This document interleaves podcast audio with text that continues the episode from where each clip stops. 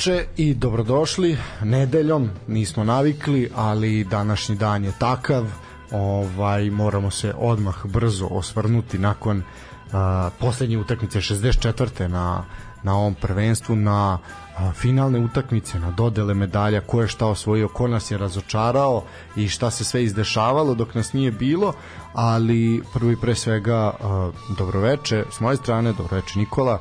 Dobroveče Stanislave, emotivno u ova tri dana po više osnova. Da, ovaj zato smo negde negde i rešili da se da se nađemo nađemo večeras i da eto malo prodiskutujemo o svemu. Nećemo mnogo nešto dužiti i daviti. Čisto čisto nedavno smo se jel čuli, ali eto prošlo je prošlo je to ta polufinale i utakmice za treće mesto i naravno za za zlatnu zlatnu ovaj boginju. Uh, ali pre pre svega toga i pre tih utakmica i svega što se dešavalo ovaj na terenima u Kataru a, vest koja m, onako pa meni lično je više i što si ti rekao iznačila ali je i nekako me onako i potresla pa mi baš ono i te, i te utakmice i za treće mesto a i to je finale onako prošlo u nekom nekom onako malo a, drugačijem osjećaju nego što bi nego što bi trebalo. Naime ovaj pa poput njegove razorne levice ovaj tako je odjeknula odjeknula vest da je uh, Siniša Mihajlović uh, u Rimu uh, u bolnici izgubio izgubio bitku bitku za život. Nažalost leukemija je bila bolja ovaj put i jača. Borio se Miha i ono kada je ta vest se pojavila i kada kada je porodica objavila i on mislim u krajnjoj liniji da on boli od leukemije na poslu smo razgovarali ja sam onako bio ubeđen rekao pa ako neko ono ima stava i ako neko može da se izbori sa ovim onda je to svakako Miha i delovalo je u dva navrata je bilo da je to sve dobro da je pobeđeno i tako dalje međutim eto a, ipak ipak ova eto bolest koja još jedan put je pokazala onako koliko je podla i koliko je zapravo teška a, ceo, ceo, cela Italija je zapravo stala, stali smo i mi sa ovih prostora ovde i a, negde opet se dešava ono što negde mi je naj, najgore od svega, znaš, setimo se, setimo se legendi kad, kad one odu, a to, to je trebalo i, i ne veličati samo Mihu, nego pričati o svemu tome i koliko je značajan i koliko ovaj, nam je drag bio i dok, dok se sve to sve to dešavalo. Ali dobro, ostaje nam negde za nauk da o tome o tome pričamo, o pričamo više u nekim drugim drugim slučajevima. E sad čućete malo i kako smo nas dvojica ovaj se sećali tih nekih pa već poznih dana njegove igračke igračke karijere, al s obzirom na to koje smo godište. Za mene zaista teška vest neko ko je rano detinjstvo obeležio mislim da je najveći omaž Mihi svih nas koji nismo toliko talentovani jeste što smo i i mi dešnjaci kad dođe slobodni udarac na livadi hteli da ga damo levom da onda prebaciš neku štanglicu neki imaginarni živi zid nećeš okolo, hoćeš da prebaciš i i hoćeš levom sad mislim da je ovih dana stvarno na svim televizijama bio podsjetnik šta je on postigao igrački ali ja bih se osvrnuo to kakav je generalno život Koster. Znači, Miha je stvarno sinonim borca odbace u Dinamu kao četvrtu opciju, dođeš u Vojvodinu, postaneš prvak sa Vojvodinom, što je to tada Vojvodina nije postala prvak. Onda odeš pa u Zvezdu... Pa jeste imala titulu pre njega. Ne, ne, od, od tada, izvini. A, da, da, da. Od da. tada. Uh, onda odeš u Zvezdu, popneš se na kroj Evrope, pa saznaš da su ti zapalili kuću. A onda opet uh, odeš u Italiju, misliš da imaš sve krenu da ti bombarduju zemlju. Onda ti iz te zemlje poleću avioni koji bombarduju tvoju zemlju, a ti si najglasniji u tome, e, protiviš se tome ne razmišljajući da li će tebi neko da, da uskrati ugovor. Na osnovu mogli su da mu da ga otpuste. Jasno, dobro. A on nije razmišljao na taj način, bio je glasan, vole svoju zemlju i pošto je znao kako je to nemati, e, toliko puta sam čuo evo ovdje u Novom Sadu, on nije zaboravio Novi Sad koji ga je lansirao futbalski, toliko puta sam čuo I bili smo u problemu, ali snašli smo se, došli smo do Miha, Miha pomogao ovo, Miha pomogao ono, Miha poslao pare, Miha poslao inkubator, Miha više, znači stvarno, e, jedan istinski humanista, jedan porodičan čovek i ne znam, te, teško mi je zapravo nađem reči kao što je, evo danas gledam, koga god su nešto pitali, svima je teško.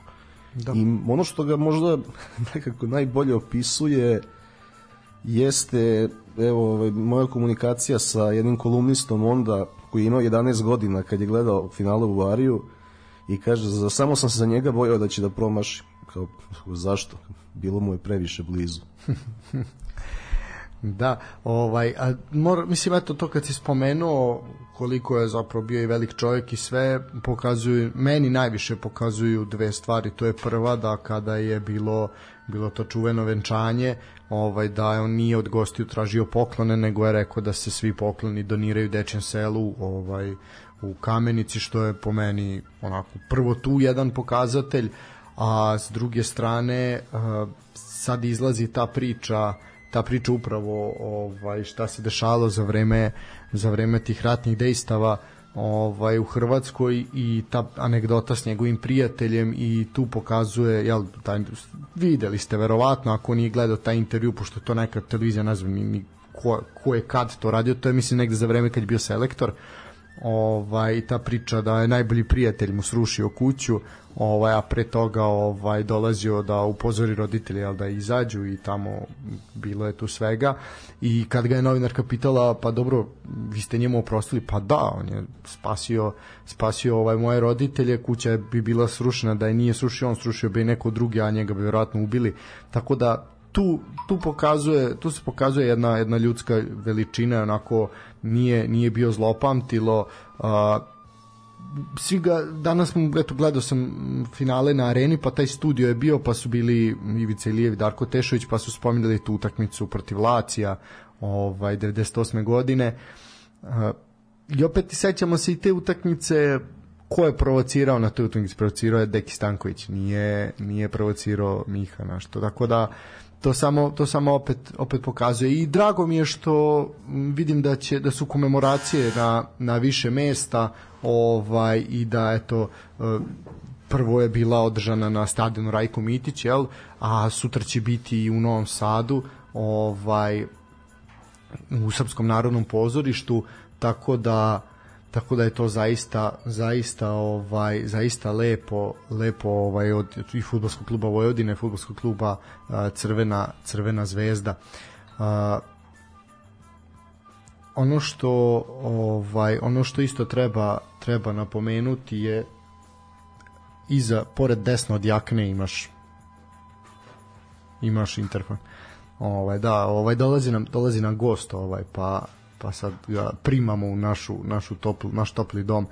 A, te komemoracije su zaista lepe, ono što se dešava u Rimu, gde se navijači, navijači opraštaju, ti minuti ćutanja ovaj, koji su eto, širom ovih a, prijateljskih utakmica, a, bio je taj predlog da, a tu, tu mi se isto malo nije svidlo kako su naši mediji odreagovali, bio je taj predlog da bude minut, minut ćutanja kad za pred početak utakmice za treće mesto je li e, finale, međutim to nije organizacija je to odbila sasvim opravdano, mislim to ipak ovaj treba treba razumeti tako da to ništanje naših naših medija eto kako mu nije ukazana čast mislim da baš nije nije na mestu ovaj ali dobro sad to je sve opet opet neki neki naš problem. Ali ono što je šta simbolizuje to rano detinjstvo Znaš, ono gleda se, nije bilo live streamova, ne možeš ti da biraš da gledaš šta hoćeš, nego imaš utakmicu koju svi gledaju. I onda, naravno da se najčešće od Italijana prenosio Lazio koliko god je moglo, i Lazio plus reprezentacija u tom periodu, to je bilo kako lopta pređe na protivničku polovinu, samo ovi matorci samo čuješ viču, padni, padni, znači nije neki kontakt, samo, samo da gledaju kako on šutira. I Deki Stanković koji, koji, kojeg si spomenuo, to je anegdota bila kad, su, kad je tek došao u Lazio I sad, Deki je bio dobar skakač, onako i iz drugog plana, na drugoj stativi, svašta nešto, i on mu jednom samo viš staje iza njega i on mu kao pokazuje, pa pa idi, idi u kazneni, kao, pa da, čali, evo Božan, gledam kako ti šutiraš. E. Tako da, eto, mislim da smo ga sublimirali na pravi način bez da da se ponavljamo u odnosu na medije. Ne znam da...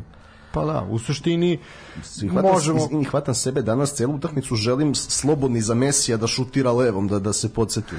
Verovao sam da će da uđe. E, da, idemo na, idemo na pesmu, pesmu i dve pauze pa ćemo pričati pričati ovaj o o završnici svetskog prvenstva i o svemu još nečem novom, onda ćemo poželeti i Konstantinu dobrodošlicu koji se udobno smestio, sad će se malo zgrejati, tako da idemo na dve pesmice pa pričamo o onome što se dalje dešava. Ajmo, uživajte. a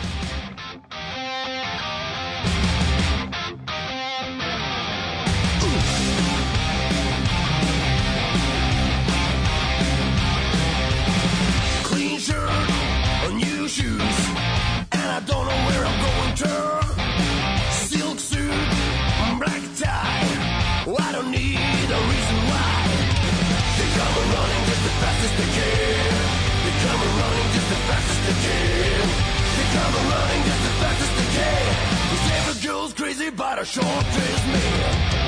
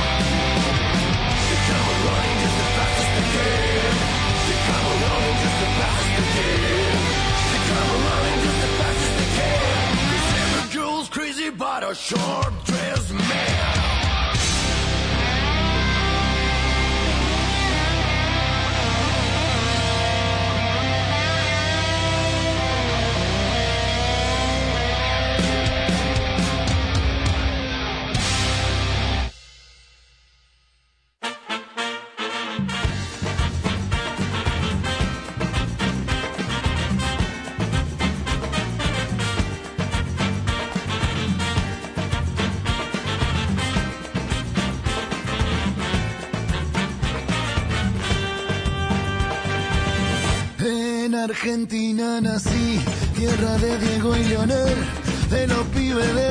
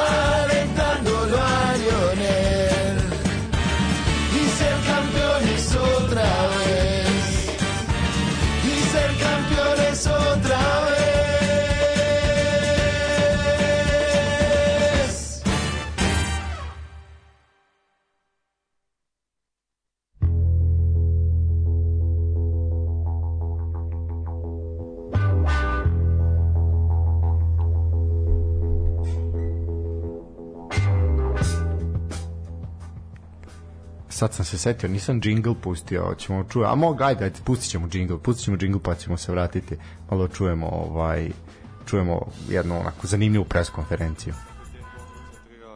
Uvijek ide i jebi ga, nije tako lako. Izvinite. Izvinite, izvinite. Izvinite. Slučajno je em- emocija, emocija radi.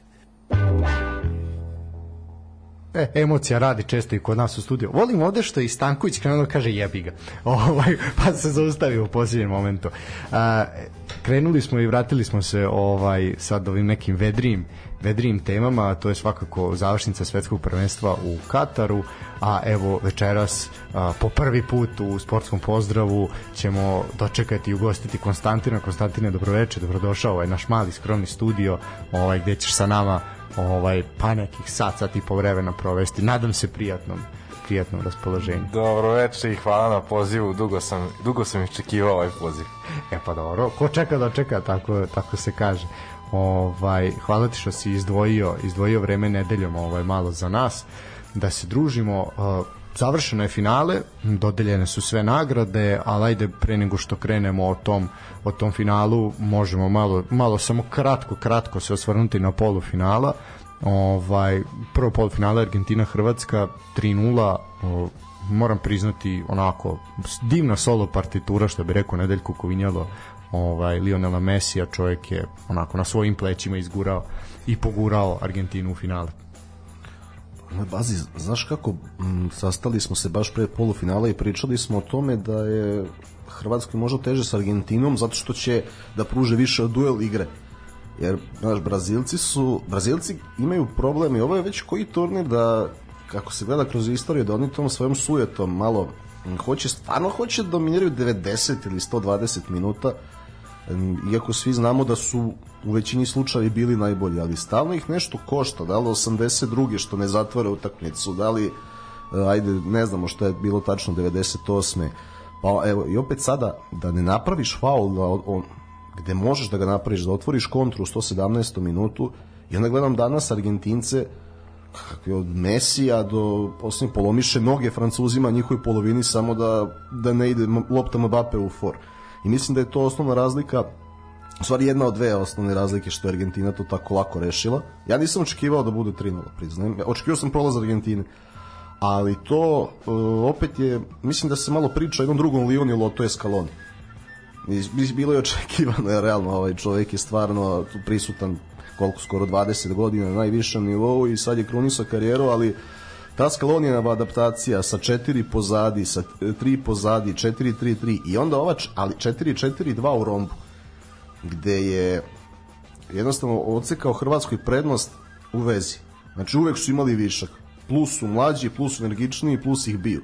I Hrvatska je tu izgubila svaku šansu uz fantastične kretnje Julijana Alvareza, koji je toliko pomerio Lovrena da Guardiol nije ništa mogao da koriguje i on čak neke 50-50 odluke nije dobro doneo i onda ona kruna, znači ovo stvarno Messi je, znači treći gol, iako je izgubio brzinu, neverovatno i dalje, lop, lopta ga sluša kao nikad i koli, ono ne, ne odustajanje, znaš, koliko god da si stariji, pametniji sam od tebe sine, igraćeš ti možda i u City-u, ali ovo je moj turnir. Meni je tu neshvatljivo da Joško Gvardiol koji je fizički dominantniji da ono da ga jednostavno nije oborio. Znači ono šta šta se vučeš sa njim, druže, uleti, napriš faul i završiš priču.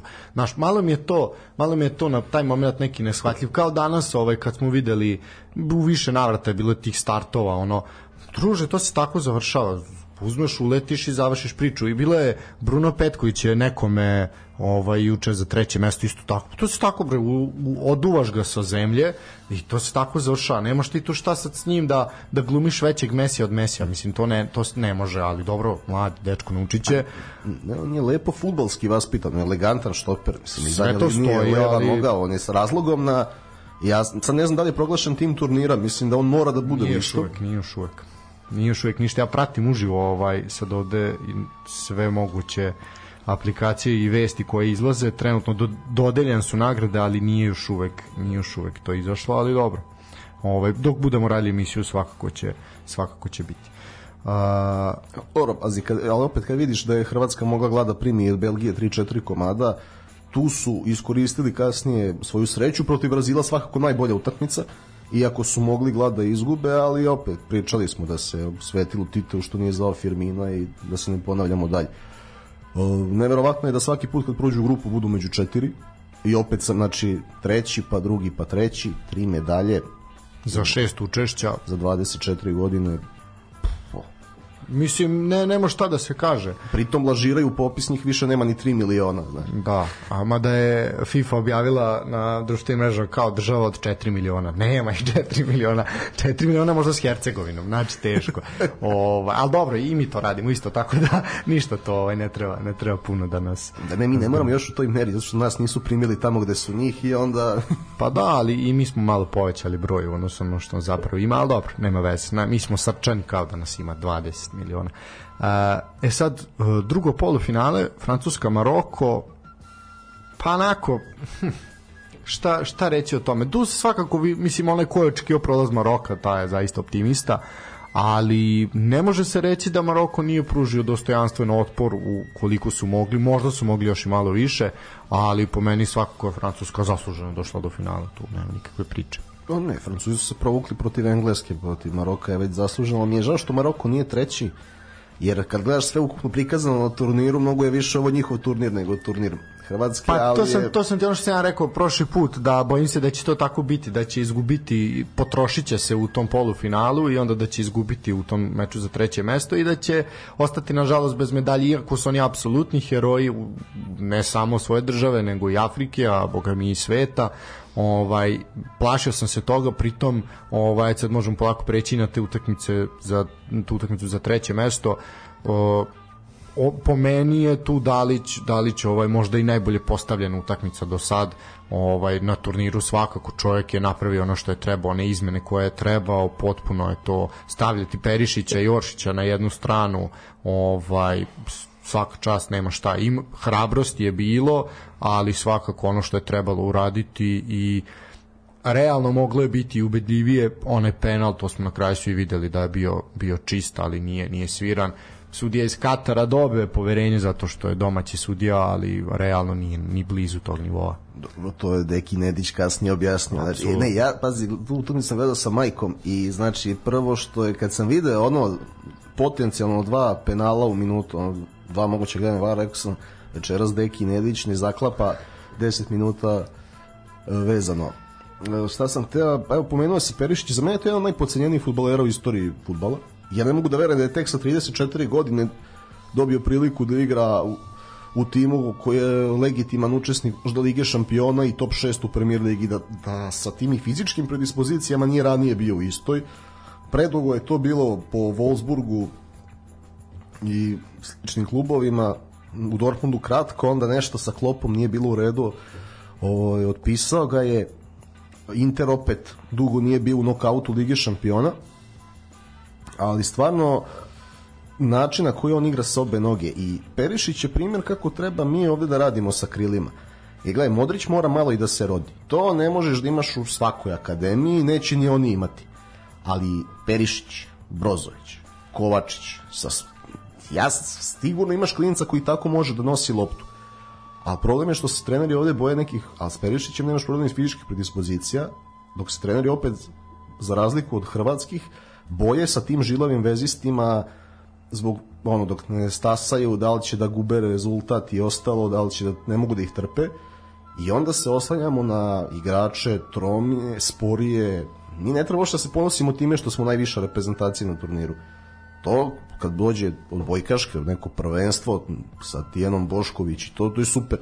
Ali Ovo je, eto, znači, primjer igrača koji se stvaraju u akademijama i neki put kojim treba da idemo, a imamo, mislim, na ovom prostoru iste genetske predispozicije e, da se ne lažemo, eto. Treba pogledati koliko su, koliko su Kovačić i Brozović pretrčali za, za ovo svetsko. A samo još jedna stvar, ako tako je u pravu Ja si. mislim da, da su ubedljivo najviše u Hrvatskoj sigurno, ali da su u vrhu moguće i u vrhu na fudbalerima. turniru, da. A sad još jedna bitna stvar, pazi, taj isti Brozović je bio povređen dosta dugo. Znači sad to malo vučem paralelu sa našom reprezentacijom, pošto mi volimo da se upoređujemo s Hrvatima, ovaj, i bio isto tako povređen kao i naši momci, ali Da, da. čovek je igrao, igrao ovaj bio kao, na, kao ono Duracell Zeka.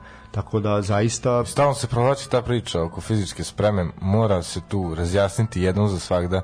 Ono Zvezda Makabi, sad reprezentacija, šta je to sa našim ovaj momcima se ne mogu šta ne, ne treniraju kao ostali ili ne razumem čemu se tu radi. Nemamo nemamo mašine nemamo ovaj novca ne razumem stvarno to to da mi neko Ma, razjasni. nije, lo, loše pozicioniranje te tera da trčiš prekomeran sprint. Ovo ti si rekao pravu stvar, samo bih ja dodao, treba proveriti koliko su uh, Brozović i one naprednije statistike, koliko su Brozović i Kovačić ist, i pretrčali sprinta pošto je Srbija u grupi pretrčala više od svakog protivnika sve ukupno, rekao minimum Milko 3 Đerovski, km, a izgledamo- ne zna. Znaš, to Ne, ne, ja nego- nešto kažem. Tako da Brozović i Kovačić ne trče ukupno, ne znam, 15 km, ali imaju efektivnog sprinta, to si do- najviše sigurno. To verovatno kad bismo našli statistike da bi ti bio u pravu. ne razumem oni izgledaju kao kao da bi mogli da igraju do, do sutra Ne, znači, pazi, imaš... i sve pokrivaju nem, nema, nema šta mislim da je to Pazi, i, ključ taj njihov red. Rakitić kojeg višeg nema, znači ti imaš četvoricu vezista okretnih s niskim težištem Jeste, jeste. koji imaju pas na užem prostoru. Pazi, peti, malo podcenjen i zabrojen, ali Milan Badelj. Znači, to, taj profil igrač, mi nemamo čak ni profil igrača Milan Badelj.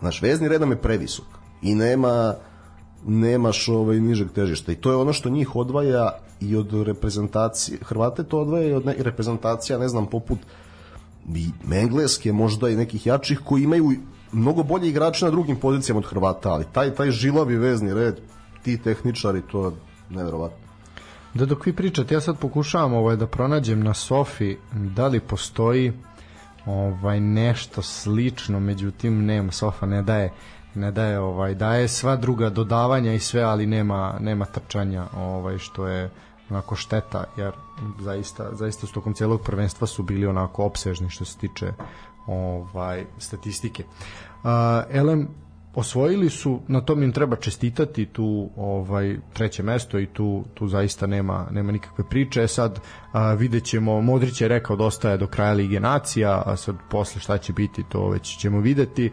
ali svakako po meni sa šest igrača iz domaće lige uzeti doći do završnice i uzeti medalju na svetskom prvenstvu E pa, ovaj, bez obzira, ok, jesu to igrači iz Dinama i sve to stoji, ali opet ti momci igraju, ti momci igraju HNL, mislim, i Livaja, i Petković, i Livaković, i ovaj, Ivušić, do duše nije ušao, ali je bio na klupi, tako da njihov problem je što nemaju ozbiljnog napadača i to je ono što je svakako problem, to će im tek i Pa falio je Mandžukić, to se to se Pa da, nemaju oni ni u nastajanju nekog, znaš, se do najavi, nema tu nekog mladog napadača ko može tu sad neke, neke svetske klase. ono je, to je koliko, koliko je njihov vezni red dobar e, govori podatak da oni pra- od, od Šukera u suštini nemaju nekog e, tehnički nadarenog napadača ali neverovatno je koliko znaju svakoga da uklope. Znači bio je prvo bio je Dado Pršo šifonjer, pa je bio Klasnić pa ajde naj, još tehnički najbolji bio Mladen Petrić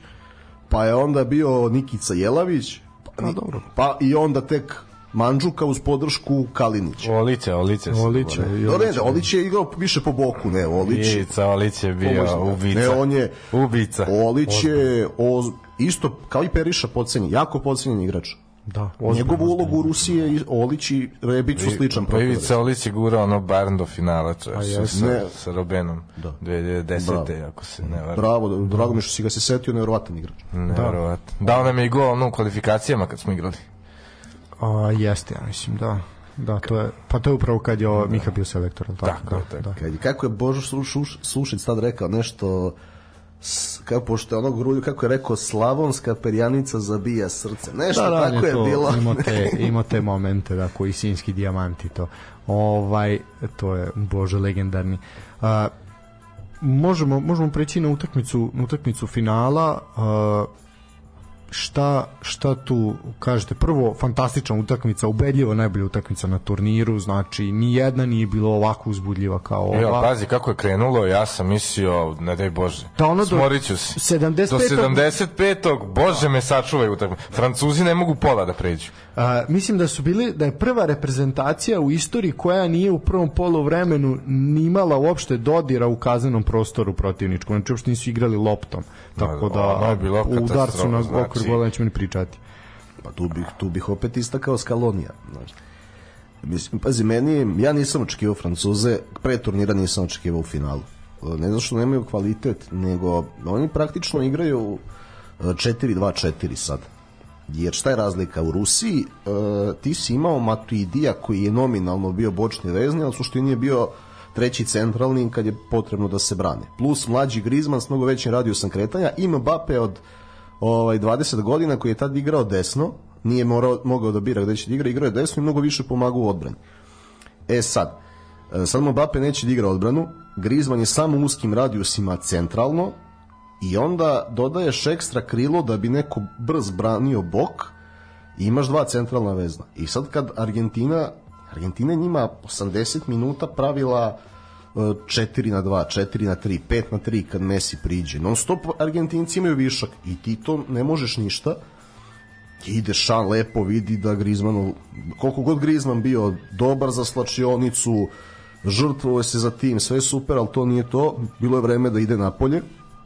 I kako je izašao Griezmann tako je Kamavinga igrao lažnog beka pa tako su isparirali na sredini i onda je krenuo pakao za Argentinu dok se nisu konsolidovali sa svojim izmenama ali opet, znaš kako, Scaloni je napravio samo jednu izmenu i sačuvao je za kraj ono što mu je trebalo, jer kad su kad je Paredes ušao i počeo da se spušta ovaj, u, sa štoperima u liniju, prvo što su razbili francuski pressing, drugo što je Lautaro svež onim kretnjama u dubinu napravio pakao. Na, je- na stranu njegovi promašaj. Tu je Dešan, Ali- tu je Dešan pogrešio što je ovaj po, zapravo nije izveo je pogrešnu pogrešnu postavu rano je morao da iskoristi izmene već dve izmene u 40. minutu i posle naravno ostao bez ostao bez karata jel a Po meni neko ko je okrenuo Kingsley Coman.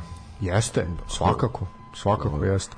Evo sad samo apropo one priče. Znači prva prva ekipa, francuska je prva ekipa koja nije šutnula u okvir gola na u prvom po- u prvom po, u, bože, u prvom poluvremenu u finala i e, prva ekipa koja nije ni pokušala da šutne u okvir gola, znači nisu imali ni pokušaj, a druga ekipa da uopšte nisu imali e, dodira sa loptom uh, u kaznenom prostoru protivnika u prvom poluvremenu, uh, druga ekipa koja to je upravo Argentina u finalu 1990 u prvom poluvremenu isto nisu nisu igrali. To su neke neke ovaj malo malo zanimljivosti što se tiču tog prvog poluvremena gde je zaista Argentina bila furiozna. To je onako E, a šta kažete za penal?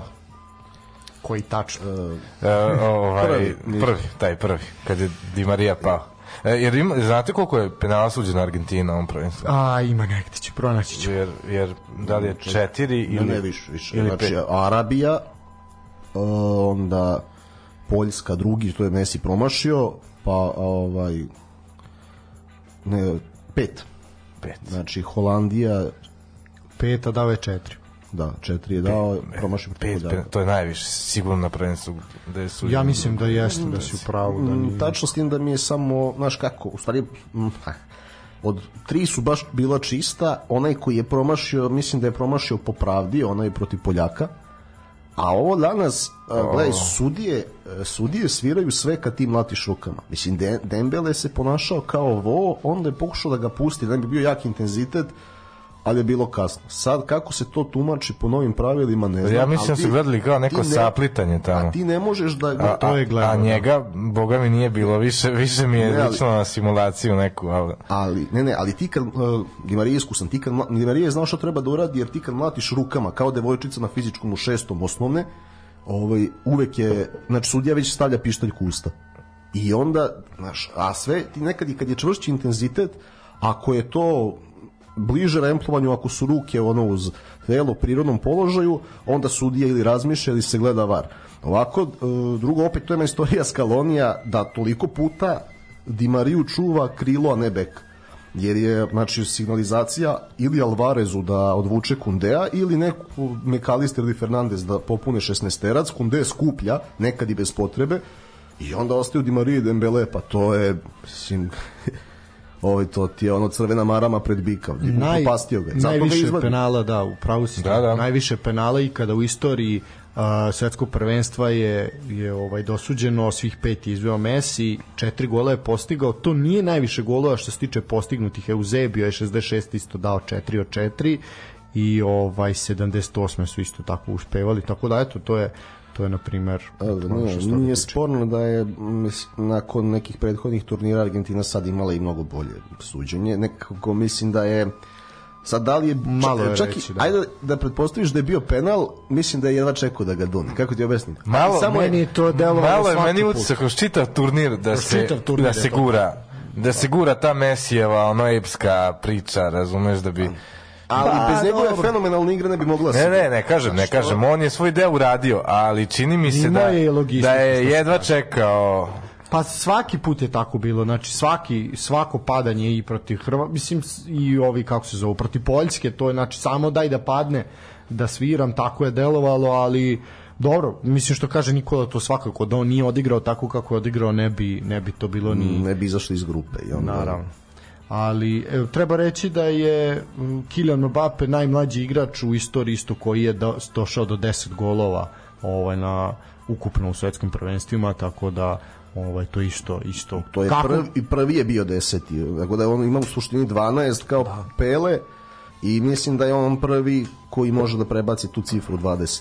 Pa ja mislim da imamo, mislim ako gledamo da ja verujem da Mesijeva priča na svetskim prvenstvima je gotova, ovaj mislim da i te kako imamo imamo jednu ozbiljnu ozbiljnu zvezdu u nastajanju i koja je već sad, ali i mislim da će momak pobarati sve žive rekorde. Vidim, e, može bilo ko da mu ne bude fan i da ga ne voli zbog ovog ili onog razloga, ali što je on pokazao u ovom finalu, ovako pod jedan da iz- izvedeš ovako tri penala i da pogodiš e, e, s tim da je Martinez već na prvom bio tu znači mogao je da mu odbrani ali on je drugi izveo sa neverovatnim samopouzdanjem i onda u penal seriji isto a on je 99. godište ili 98. koje je sad Osmo, ali a, ali, razlika? ali pokazao najveću zrelost i ono, naj, najveću, najveću hrabrost u čitavom timu Francuske. Ne, apsolutno, ozbiljna, ozbiljna karijera u Pritom nastajanju. Martinez koji dobro pričali smo i ovdje o Martinezu kao klasičnom turnirskom golmanu mislim Martinez ti je, on je bolja verzija od Čoje znaš ono, napaljeni Latinos koji, ok, ima on kvalitet za premier ligu, ali nema za top 6, ali nemaš bolje golmana za turnir. Da poludi, da ti odbra... Pa šta je odbranio prvu u 120. Pa da, ali Pa š- do, pa do, finala, do finala je imao ono dve odbrane, mislim, jer ovi mu ni- nisu ni dozvoljavali nešto puno udaraca, udaraca ka golu. Mislim, mislim da je malo dati njemu zlatnu rukavicu, po meni baš i nije, ovaj, malo je možda znaš, previše. znaš kako, da finale, da nije ono skinuo da nije kolo Muaniju, da je finale završeno 90, mislim da bi Bono dobio rukavicu. A i opet Bono da dobije, primio je vamo dva gola, mislim, naš, malo je tu... O koliko je spasio. Pa, Mislim, imaš malo je tu, malo je tu, mislim više po meni su i Bono sigurno, ali i Bono i Livaković su bili ispred Martineza. Boga mi, Livaković je, je možda golman turnira. Znaš kao da, ajde sad, ali ovde ajde, ovaj stvarno je sad ima ulogu u finalu, skino je i odbranio dobro i penal i sve, ali ovaj, da, da što kaže da se završilo u 90 minuta, mislim da bi ipak možda trebalo malo se pogleda, pogleda na ovu stranu. Ne, dobit će Martinez, tu nema šta. Ne, dobio, dobio. je, Dobio sad, je, da, da, sad ovde, ovde Ali- gledamo. ali ne, stvarno je taj tip. Drugo, mis, iskreno, ja sam, samo mi je bilo, znaš kako, imao sam dilemu, nakon Mbappe ovih 1-0 bilo je ključno da ga samo Messi, rekao sam ovaj, ako Messi pogodi da, da će da osvoje, jer oni toliko su oslonjeni na njega da onda je promašio, onda svaki Svi padaju, sledeći, da. a s druge strane, on je, mnogo je rano slavio onaj gol u suzama za 3-2, koliko god da to je bilo razumljivo, i onda mu se desi šok i onda sam sumnjao da li će on da ga pogodi. E, kad je on pogodio i kad pogledaš ostale izvođače u oba tima, realno francuske rezerve nisu ni blizu Didier Deschamps treba da ono izjava Rajeta Bogdanovića posle u studiju e, večeras nisu imali selektora. Da ti staviš tu čamenija da ti šutira da ti šutira tako bitan penal njemu se na licu videlo. On je bio prestrašen. Da. on je bio prestrašen. On je bio on I je onda bio, ti Martinez zapleša onako na liniji i ti si gotov. ali ne sam to nego gledaj ima jedna ovaj, to, znam izjavu Ivice Kralja vezano za Stojkovića nije, nije javna nego za finale kupa 2021. da, prošle godine kad je Stojković iako je pogodio strane neke nije skinuo ni jedan penal i šta je Ivica ka, rekao kaže pa imao sam isti problem u, u toj fazi karijere jer kaže ti kad dođeš u neke godine ti se više ne više više padaš nego što se bacaš. Da, da. I sad kad pogledaš rad nogu aktuelni Martineza i Ljorisa, znači Martinez može da fintira jednu stranu da se baci na drugu, Ljoris mora da čita odmah još je onako sad težak tromo, nekad se ni ne baci, mislim da je bilo jasno ko će da da robije penal seriju. Pa to da, mislim Lloris je malo taj malo kako, kako lepo su to momci s tribine ovaj, dali, dali jedan pridev onako više to a, sve te njegove odbrane su tako iz nekih padova i neke ovaj više onako atrakcije nego što nego što je to zapravo efikasno. Ovaj, ali dobro, ide na iskustvo i nema šta, 145 nastupa, mislim, svaka čast sve to stoji, ali Martinez je u boljem, boljem naletu i meni je drago, zbog njega mi je, na primjer, jako drago, jer je njegova priča isto fascinantna, ono, od najnižeg ranga takmičenja do, do toga, prošlo svetsko prvenstvo gledao sa tribina, mislim, što, a eto, sad je, sad je A znamo šta je Caballero radio. Da. Da, mislim da, vodi, on, pa i Franco Armani koji posle menja Caballera kakve ono golove prima i ne, ne, ne, ne, stvarno ovaj, znaš kako, ali m, pomoglo mu je to što je izgradio je lični odnos sa Mesijem i onda je prvo je ranije još dobio prednost u odnosu na Ruljija koji ipak brani u Villarrealu, znači ne brani ovaj, makar šta. I onda kad je ono bilo finale Kope, kad je, gde je Brazil bio bolji.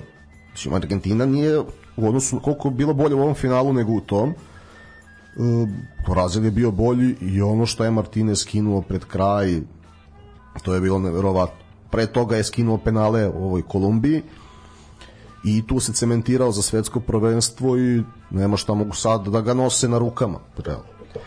Argentina, pored Argentine, to koja je ovo treća titula ovaj prvaka sveta, više imaju jedino Nemci, Italijani i Brazilci, ovi po četiri, Brazilci pet. 36 godina su čekali, čekali Argentinci na novi, novi trofej. Najduže su čekali Italijani, su čekali 44 godine. Postignuto je ukupno 172 gola ovaj i sad kad sumiram utiske o samom šampionatu e, najefikasnije je prebacilo je za jedan gol je prebacilo Brazil a, ali opet kakav je vama utisak evo prvo tebe Konstantine kakav je tvoj utisak onako celokupno o prvenstvu i o opšte o i grupama i nokaut sistemu i uopšte kako ti je to izgledalo? Pa ne znam, evo, izlizana je priča možda da spominjemo da je u Kataru, da je zimski period, ok, nema tog hajpa kao, kao nekad, ono leti, jel da, svi smo na godišnjim odmorima, jedva čekamo.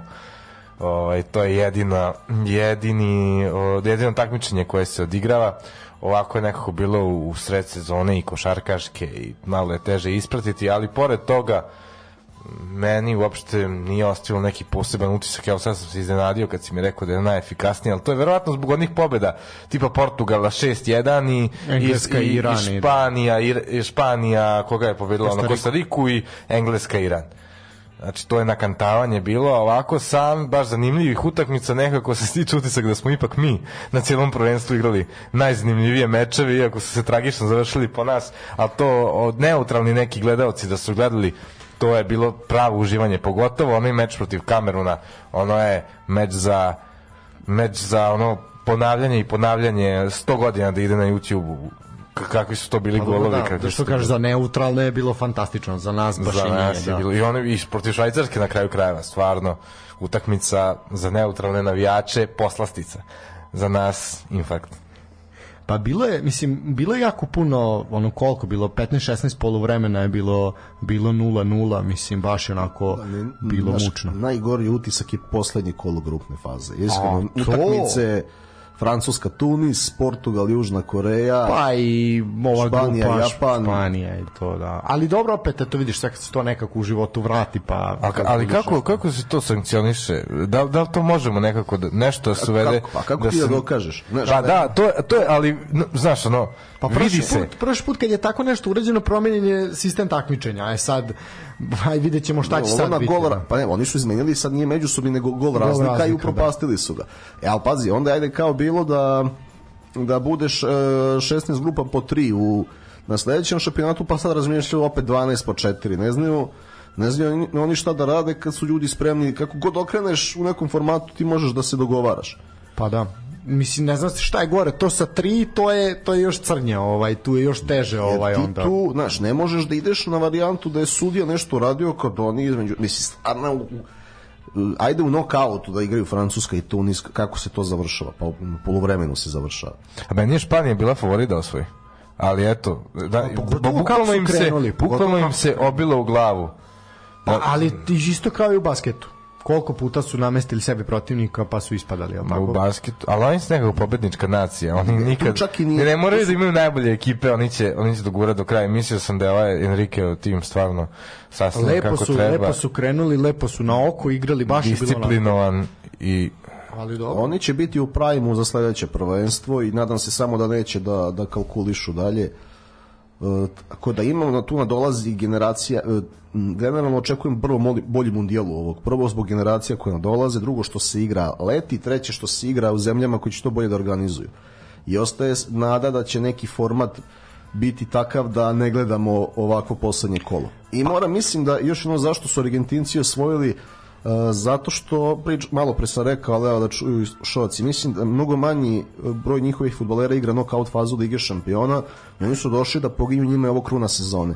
Mislim da su se pojedine ekipe malo u duelima i udarcima prištedele za, za proleće i da ih je to isto tako koštalo. Znaš, nekada i suviše, pa i ta Španija nekad malo više su, nemam ja ništa naravno protiv pozicijone igre, ja sam uvek to propagirao, nije mi to dosadno, nego u smislu da znaš, ono, neka sečenja kontri, bežanja od duela, jednostavno gazde ti signaliziraju da ti moraš za taj novac koji si plaćen da budeš spreman na proleće evo sada od Arsenalu je panika šta je, sa- sad će biti s Gabriel Rezusom i još nekim ko se još povređivao na turniru, to je odmah ovaj, kuknjava zašto se turnir igrao sada i to svaki gazda kojem se igrač povredio može da kaže.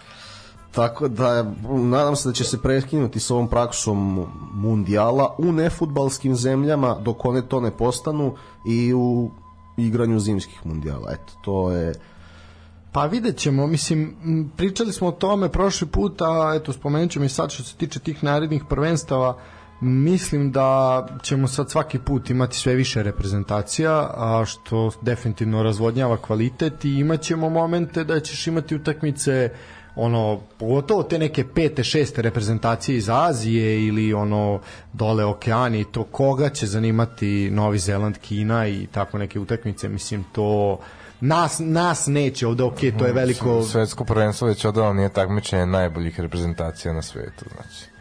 Da jeste, ne bi igrali prvo iz okeanije reprezentacije sa dužnim Ajde, da, poštovanjem sad tamo- za Australiju koja je ponovo nekako uspela da, da prođe grupu ja Sad ta Australija i nije bila toliki problem, recimo. Ono, naš, manje je pokazao taj neki Tunis i tako nešto nego, nego ta Australija. Pa dobro, da, ali Ali vide, imaćeš, imaćeš, doći ćemo, evo pazite, doći ćemo do momenta da ćemo imati 64 reprezentacije i ono, mislim, za, za 20 godina vrlo verovatno. I šta smo onda? Onda ćeš, prvo nećeš moći da ispratiš, ali što kaže e, nije ni poenta da nije ni poenta da svako od nas isprati sve nego će nego će ovaj noš ono svako će uzimati sadržaj koji ga zanima. Mi ćemo pratiti ta neki sa Novog Zelanda da će pratiti svoju reprezentaciju razumeš i on će posle gledati polufinale i finale.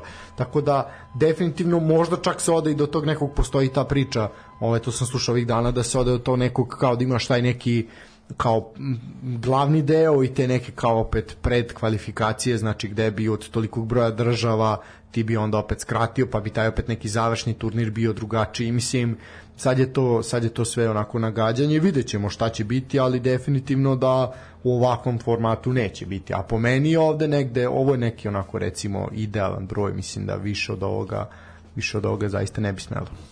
Kao što je 16 bio idealan broj za evropsko prvenstvo, Apsolutno. tako je 32 za ovo i ne bih ništa menjao. Ovde se samo radi o tome da smisliš način da prvo uh, je, znači da recimo uh, ekipe iz prva dva šešira treba da igraju uvek poslednju utakmicu u grupi. Jer onda da je poslednja Španija Nemačka, onda nemaš nemaš onu vrstu problema. Na primer. No, pa slažem se. Uh, momci, ja bih pustio jednu pesmu pa ćemo onda pričati o ovim nagradama ko je šta dobio i o ovima koji su razočarali svakako pored ovih najboljih 11 imamo i najgorih 11 uh, odmorite 3 minuta od nas pa se, pa se vraćamo, vraćamo sa pričom Broken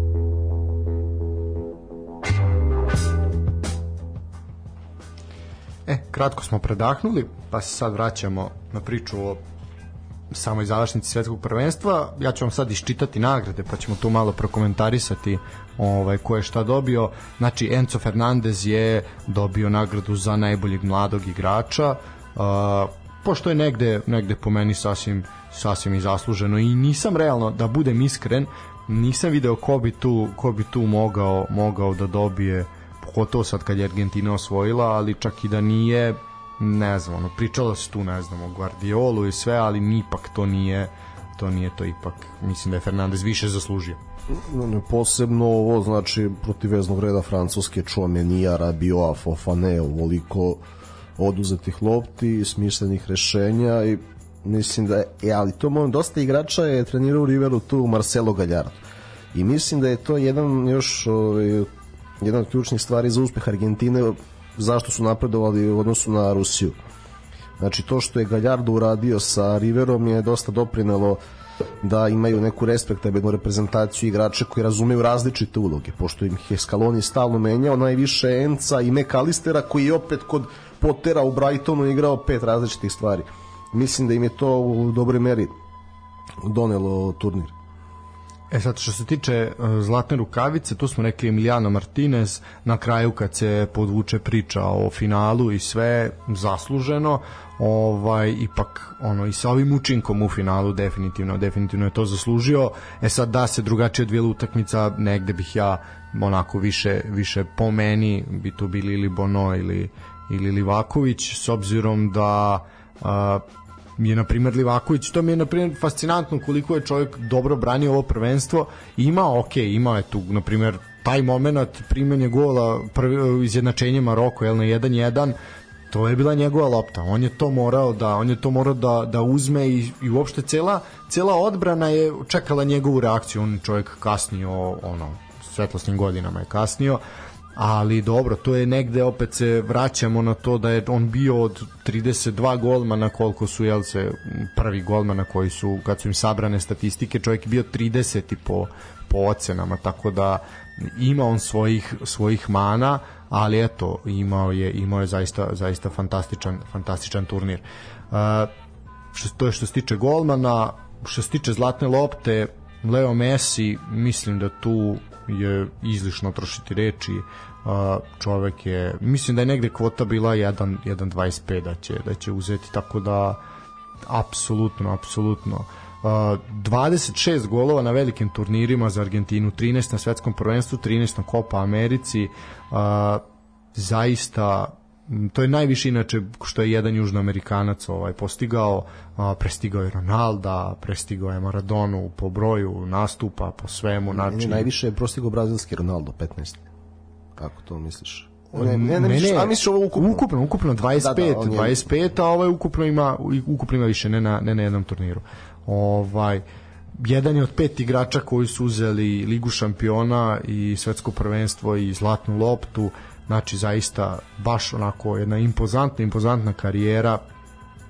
E sad što se tiče svetskog prvenstva, ja verujem da je to gotovo, da ga nećemo gledati za četiri godine, ali ne, sad kad je osvojio, nema šanse. Da. Opraštaš se na taj način. u momentu kad je kad su ovi kad su ovi izjednačili na 2:2 i ono kad je baš je tu Argentina bila pala ono tih zadnjih zadnjih 10 Moglo je biti 3-2. Moglo je biti Centar šute Mbappe, a ne znam ko je bio tamo. vrlo lako, bilo su dve tri ozbiljne šanse. Da, da, da. I ono kao bilo je ja ga gledam, znaš, ono, ono, pokunio je glavu onako ko što on radi i ono kao gotovo sad su pali, sad ako istisnu, ako im daju go gotovo je, ali što kaže imali su imali su nekoliko ozbiljnih šansi i ono je kao bilo jedno sam ta, zamislio se jedan šao pa evo on je takav on će će četiri godine sada predgurati dok se opet ne pojavi naš neće neće odustati ono to je ta to je ta upornost taj mentalitet pa slično i Đoković ono naš idem dok ne dok ne uzem kad uzem onda sam onda sam Ja mislim da će Ronaldo da se Cristiano Ronaldo da se pojavi za 4 godine u Na Americi. 100%. Ja sam siguran isto. Znači, tu bi imao, ne, pazi, tu bi onda imao i šesto prvenstvo da se pojavio i još ako bi dao neki gol,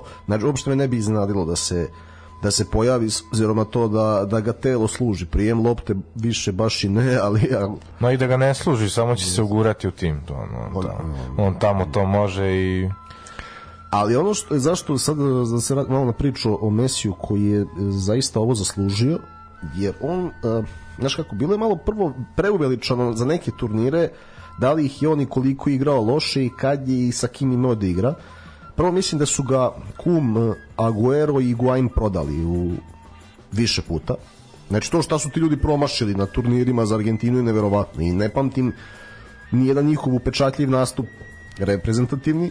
Julian Alvarez ima duplo manje talenta od obojica i duplo više posla je sada završio. Pa i Lautaro s ovim kretnjama u ovaj, u, u produžetku, iako ga neće gol, ali bar je, bar je agresivan. A, tako da Guero i Higuain su stalno spavali i jedino mu je Di Maria mu je stvarno bio ono veran tu da uvek može da računa na njega. E, morao da se pomene Di Maria 2008. kao klinci su igrali zajedno olimpijske igre finale 1-0 Angel Di Maria 2021. finale Copa Amerike 1-0 Angel Di Maria i sad ponovo gol Di Maria u finalu svetskog prvenstva Ove, bio je povređen, Scaloni ga je čuvao i onda samo izvukao, izvuka, upropastio je Francusku. Mislim, zapravo su i pali kad je, kad je on izašao, a zamenio si ga bekom i onda si time dao signal Francuskoj da malo podigne linije i da, da te napadnu. Mislim da je mogao još malo da ga ostavi, možda bi završio utakmicu u 90 minuta. Da je ušlo ono Messi u 97. za 3-2, ono što je Lloris skinuo, išlo je do duše ravno, bio bi možda to najveći trenutak u istoriji igre.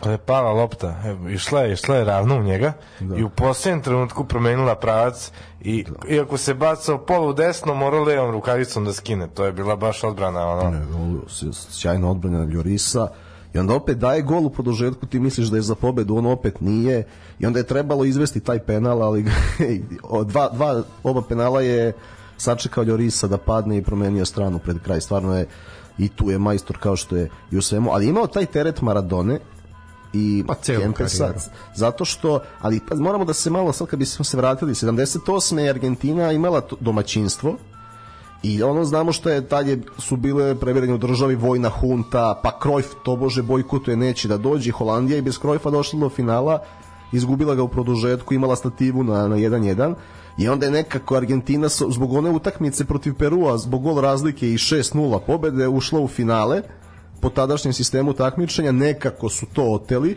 onda 86. koliki god Diego bio majstor danas bi mu VAR poništio gol rukom I onda su uz pomoć tog gola kasnije rešili Belgiju i zapadnu Nemačku.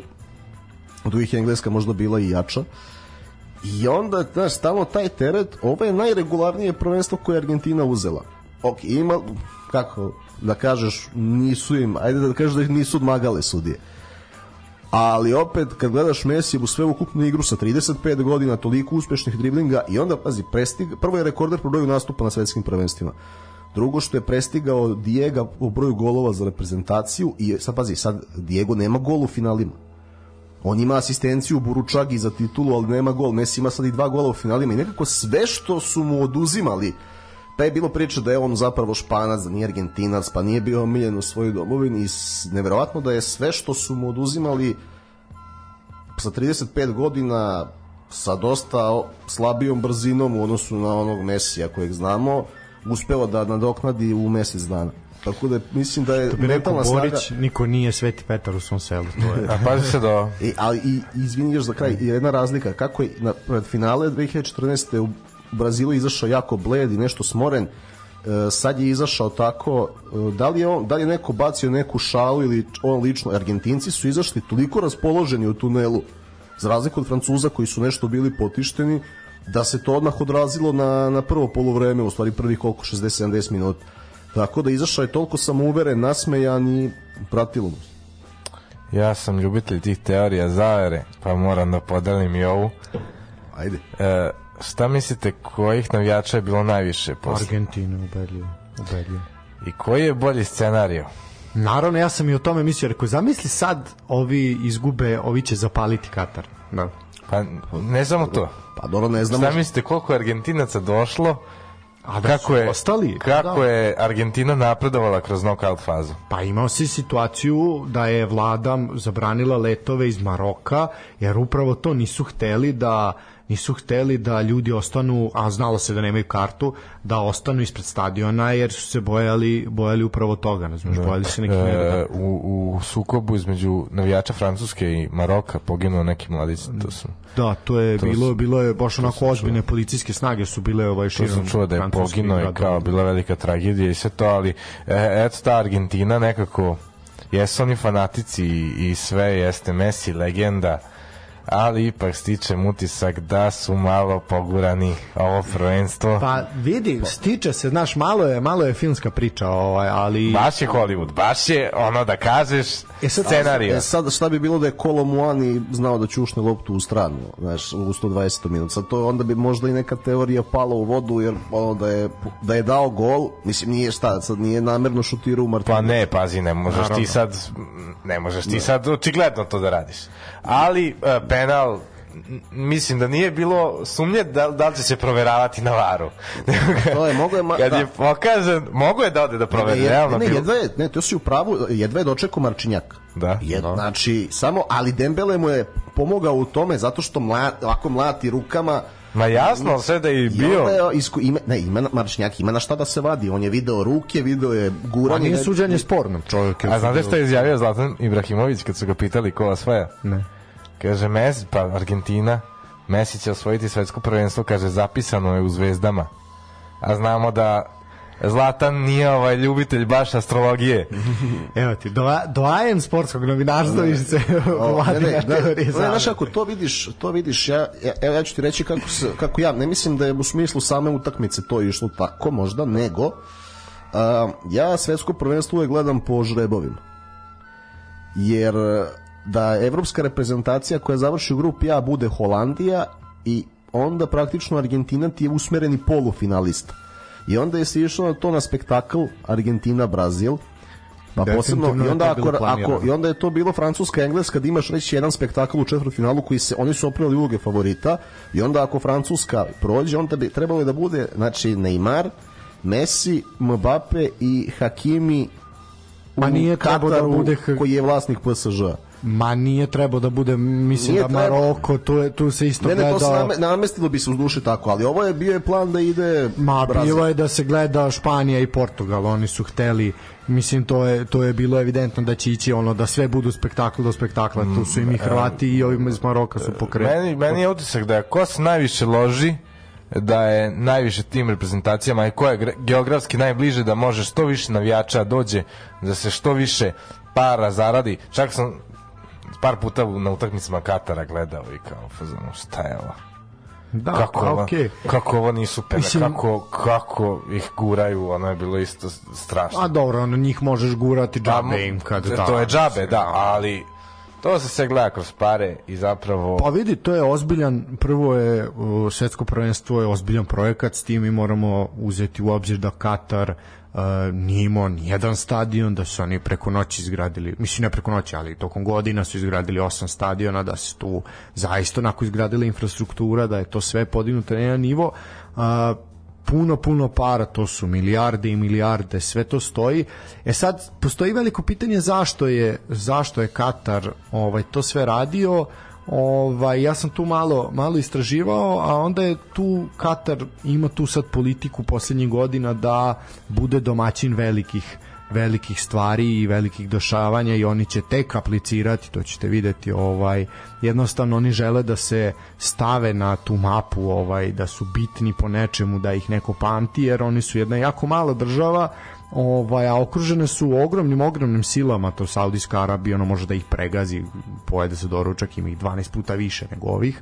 Ovaj tako da je to m, onako jedna ozbiljna strategija da se nešto nešto uradi da se nekako ljudi stave na, na mapu sećamo se Katara i rukometa na primjer ono to se zaboravilo ali ljudi su ono isto isto došli došli daleko e sad što se tiče najboljih 11 Martinez na golu Hakimi, Guardiol, Romero i Teo Hernandez Uh, vezni red Amrabat, Enzo Fernandez i Modrić, a napred Mbappe, Messi i Julian Alvarez, ja mislim da je to i više, da je to to. E, bar su ovo pošteno odradili. Ovo je pošteno, ovo je po meni Da, bez ikakvog mogo bi možda tu u vezni red da se na Enzo Fernandez Ne, ne, jeste Enzo. Jeste. Amrabat, Enzo i Modrić. I Modrić. Aha, aha, nisam onda, nisam onda čuo.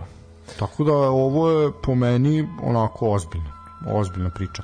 E sad možemo i na, na razočarenje, pošto je ovde sve tako jasno, ajmo na najgorih 11, a najgorih 11, evo ih, samo moment. Da ima nagrada, a? Pa naravno da ima nagrada. Mora i za Kažu nagradu. ovako, na golu m, Diogo Costa, ovaj da je on je proglašen proglašen najgorim najgorim golmanom. E sad Ja bih stavio realno Borjana, po meni je Borjan bio kriminalan. Ovaj, Ovaj, da ali- nije ti bi stavio. Ne, ne, ne, ne bi, ali zaista onako, onako je prodao čovjek dva gola, mislim, ono je nenormalno šta rada na izletanje i ono, ali ajde, oni su stavili Kostu, po meni, po meni, Pa zbog Maroka. Pa okej. tu, jasno, je, tu je jasno sistem kojim su došli od toga. Nije on toliko ovaj, loše branio cijelo prvenstvo koliko je loše branio u toj najbitnijoj utakmici. Vidim da spominju uh, i ovaj uh, Manuela Noera, a sad Noer se uklopio u bledilo ovaj reprezentaciju, čak, čak i nije bio toliko ni loš ovaj, s obzirom koliko su svi ostali bili, bili slabi. Da, mogu 11 Nemaca da stavim maltene u razočarenje da, i, da, to da, i, svakako. da, i da mi malo ko zameri da li sam pogrešio. Pa najve, mislim, ako pogledamo po reprezentacijama, svakako su negde Nemci najveće na, meni bar onako je uz dance recimo, pa i nas su najveće Uz razočaranje. dance. Da, od danaca se mislim mnogo više. ja sam. Ne, ne, Pi- Pixi mora da bude selektor najgorih 11, jer pojedinačno kod nas ovaj, nema toliko razočarenja koliko timski. A, desni bek Joao Cancelo. Uf, a su crnili te Portugalce, pa šta su im skrivili, pa dobili su 6-1 Švajcarsku, što je Švajcarska koja je igrala ono protiv nas kao da su klasu iznad reprezentacija, čemu se radi sad? A ne, a Cancela je Dalot zamenio u toku turnira i nije, nešto se slabo branio, mislim da se dosta on potrošio u A City. da, kažu da nije bio agresivan Samo da... nije vam... A ne, to ti ono, kaže ti, pošto, znaš, ovaj šejk iz Emirata mu rekao da se ne troši u Kataru i A dobro, Treba- treba to je, ju- to je treba- kao kad bi stavili Ben White-a ovaj, u, u 11 najgorih čovjek otišao kući, šta posle nedelju dana. Pa da, ovaj je otišao, treba- ob, obili mu kuću, Sterling, ko je otišao? Si- Sterling je otišao igračima, kuću. igračima City je igračima City je Liga šampiona mnogo bitnija da je se konačno domognu, a Arsenal isto ima plus 5, treba ga i uriti. Tako da ako gledamo osim Alvareza, je jedan igrač City igra dobro ovaj turnir. E sad, ajmo što na uh, centralne jel, bekove. Uh, kaže ovako, uh, stavljen je Bleki Milenković i stavljen je Ridiger i Šule je tu. Boga mi, Black i zasluženo. Ne, Da, mislim oni su nabrojali, nabrojali ovaj nabrojali misliš Nikla trojicu. Zile? Da, da, okej, da. Ovaj, pa dobro, Ridiger je svakako ono po meni, pogotovo onim ismejavanjima Sane, Blackie. ono, da. Ali Black je... Black je imao neke kikseve, on nikako da se afirmiše da li je kiksara ili je, ili je pouzdan. Da ga rasporedimo Pouzdan, neke što skupove. neki utakmice odigra fenomenalno, svaki start na mestu, a neke, ono, ono protiv Portugala u Beogradu isto, Žota, dva gola preko njega. A ne znam da li si nas slušao prošlu kad smo bili nas petorica ovde. Pričali smo E, o tom. pa malo na preskuk, ovaj, zato što je trajalo dugo. Slušao sam nešto, ali... A on mora da ode iz Fiorentina. On je morao pre dve i po, tri godine da ode iz Pa, Fiorentine. šta je bilo ovo sve s West Hamom, ja nisam ispratio zašto je to propalo. Navukli su ga u Fiorentinu na kapitensku traku i sad mislim da ima ugovor od 2027. A, dobro, ajmo dalje. Uh, Matijas Olivira, levi bek. Urugvaj. Pa dobro, mislim od Urugvajaca realno ja sam očekio više, ovaj, ali tu su ih ovi malo izigrali sa Bukvalno su prevareni. Nasamareni. Ali vidi, na, jedan od fascinantnijih momenta turnira je ta utakmica Gana Urugvaj.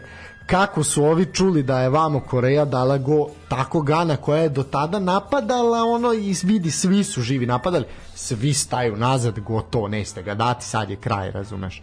Tako da je to je jedan onako od po meni, po meni fascinantnijih momenta je sad ćemo vam vratiti nećemo vas pustiti dalje. Ali nema šta, turnir je bio u Aziji, bilo je, ako računaš Australiju koja igra s njima, pet azijskih reprezentacija, je tako?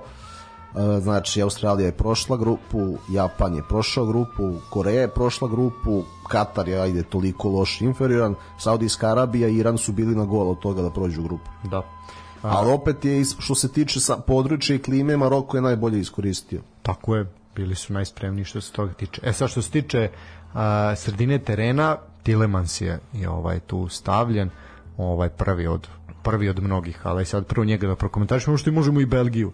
Ovaj Belgijanci su onako isto jedno ozbiljno razočarenje, ali mi smo to pričali i negde smo i najavili da oni neće daleko, ali svakako je da je to možda čak i prerano Pa završeno. Tilemans baš žrtveno jagnje, on, on, on, on nije ja bih lider te pitao ekipe. šta je De Bruyne Da. ovaj turnir, ali...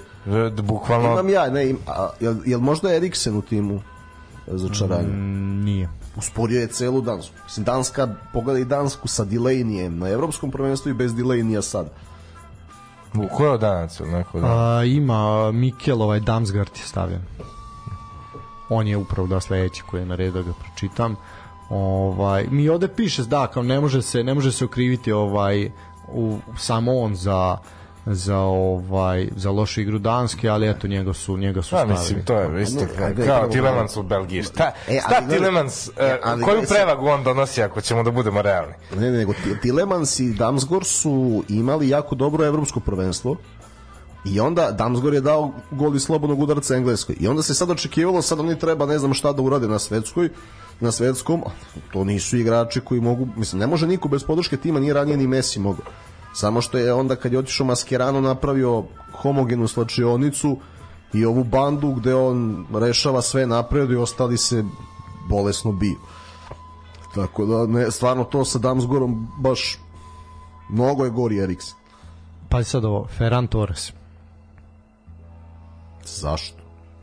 A dobro, da, zbog one loše statistike protiv Maroka, ali Opa, Pa da, kažu to- da nije tu imao puno. Oni gledaju Ovo je ko je igrao da. lošu ovaj, tu odlučujuću utakmicu, ta što je ispraćena i po tome daju ocenu. Realno šta? A- a da imaš- Koliko je Torres dao golova u grupnoj fazi, se zna?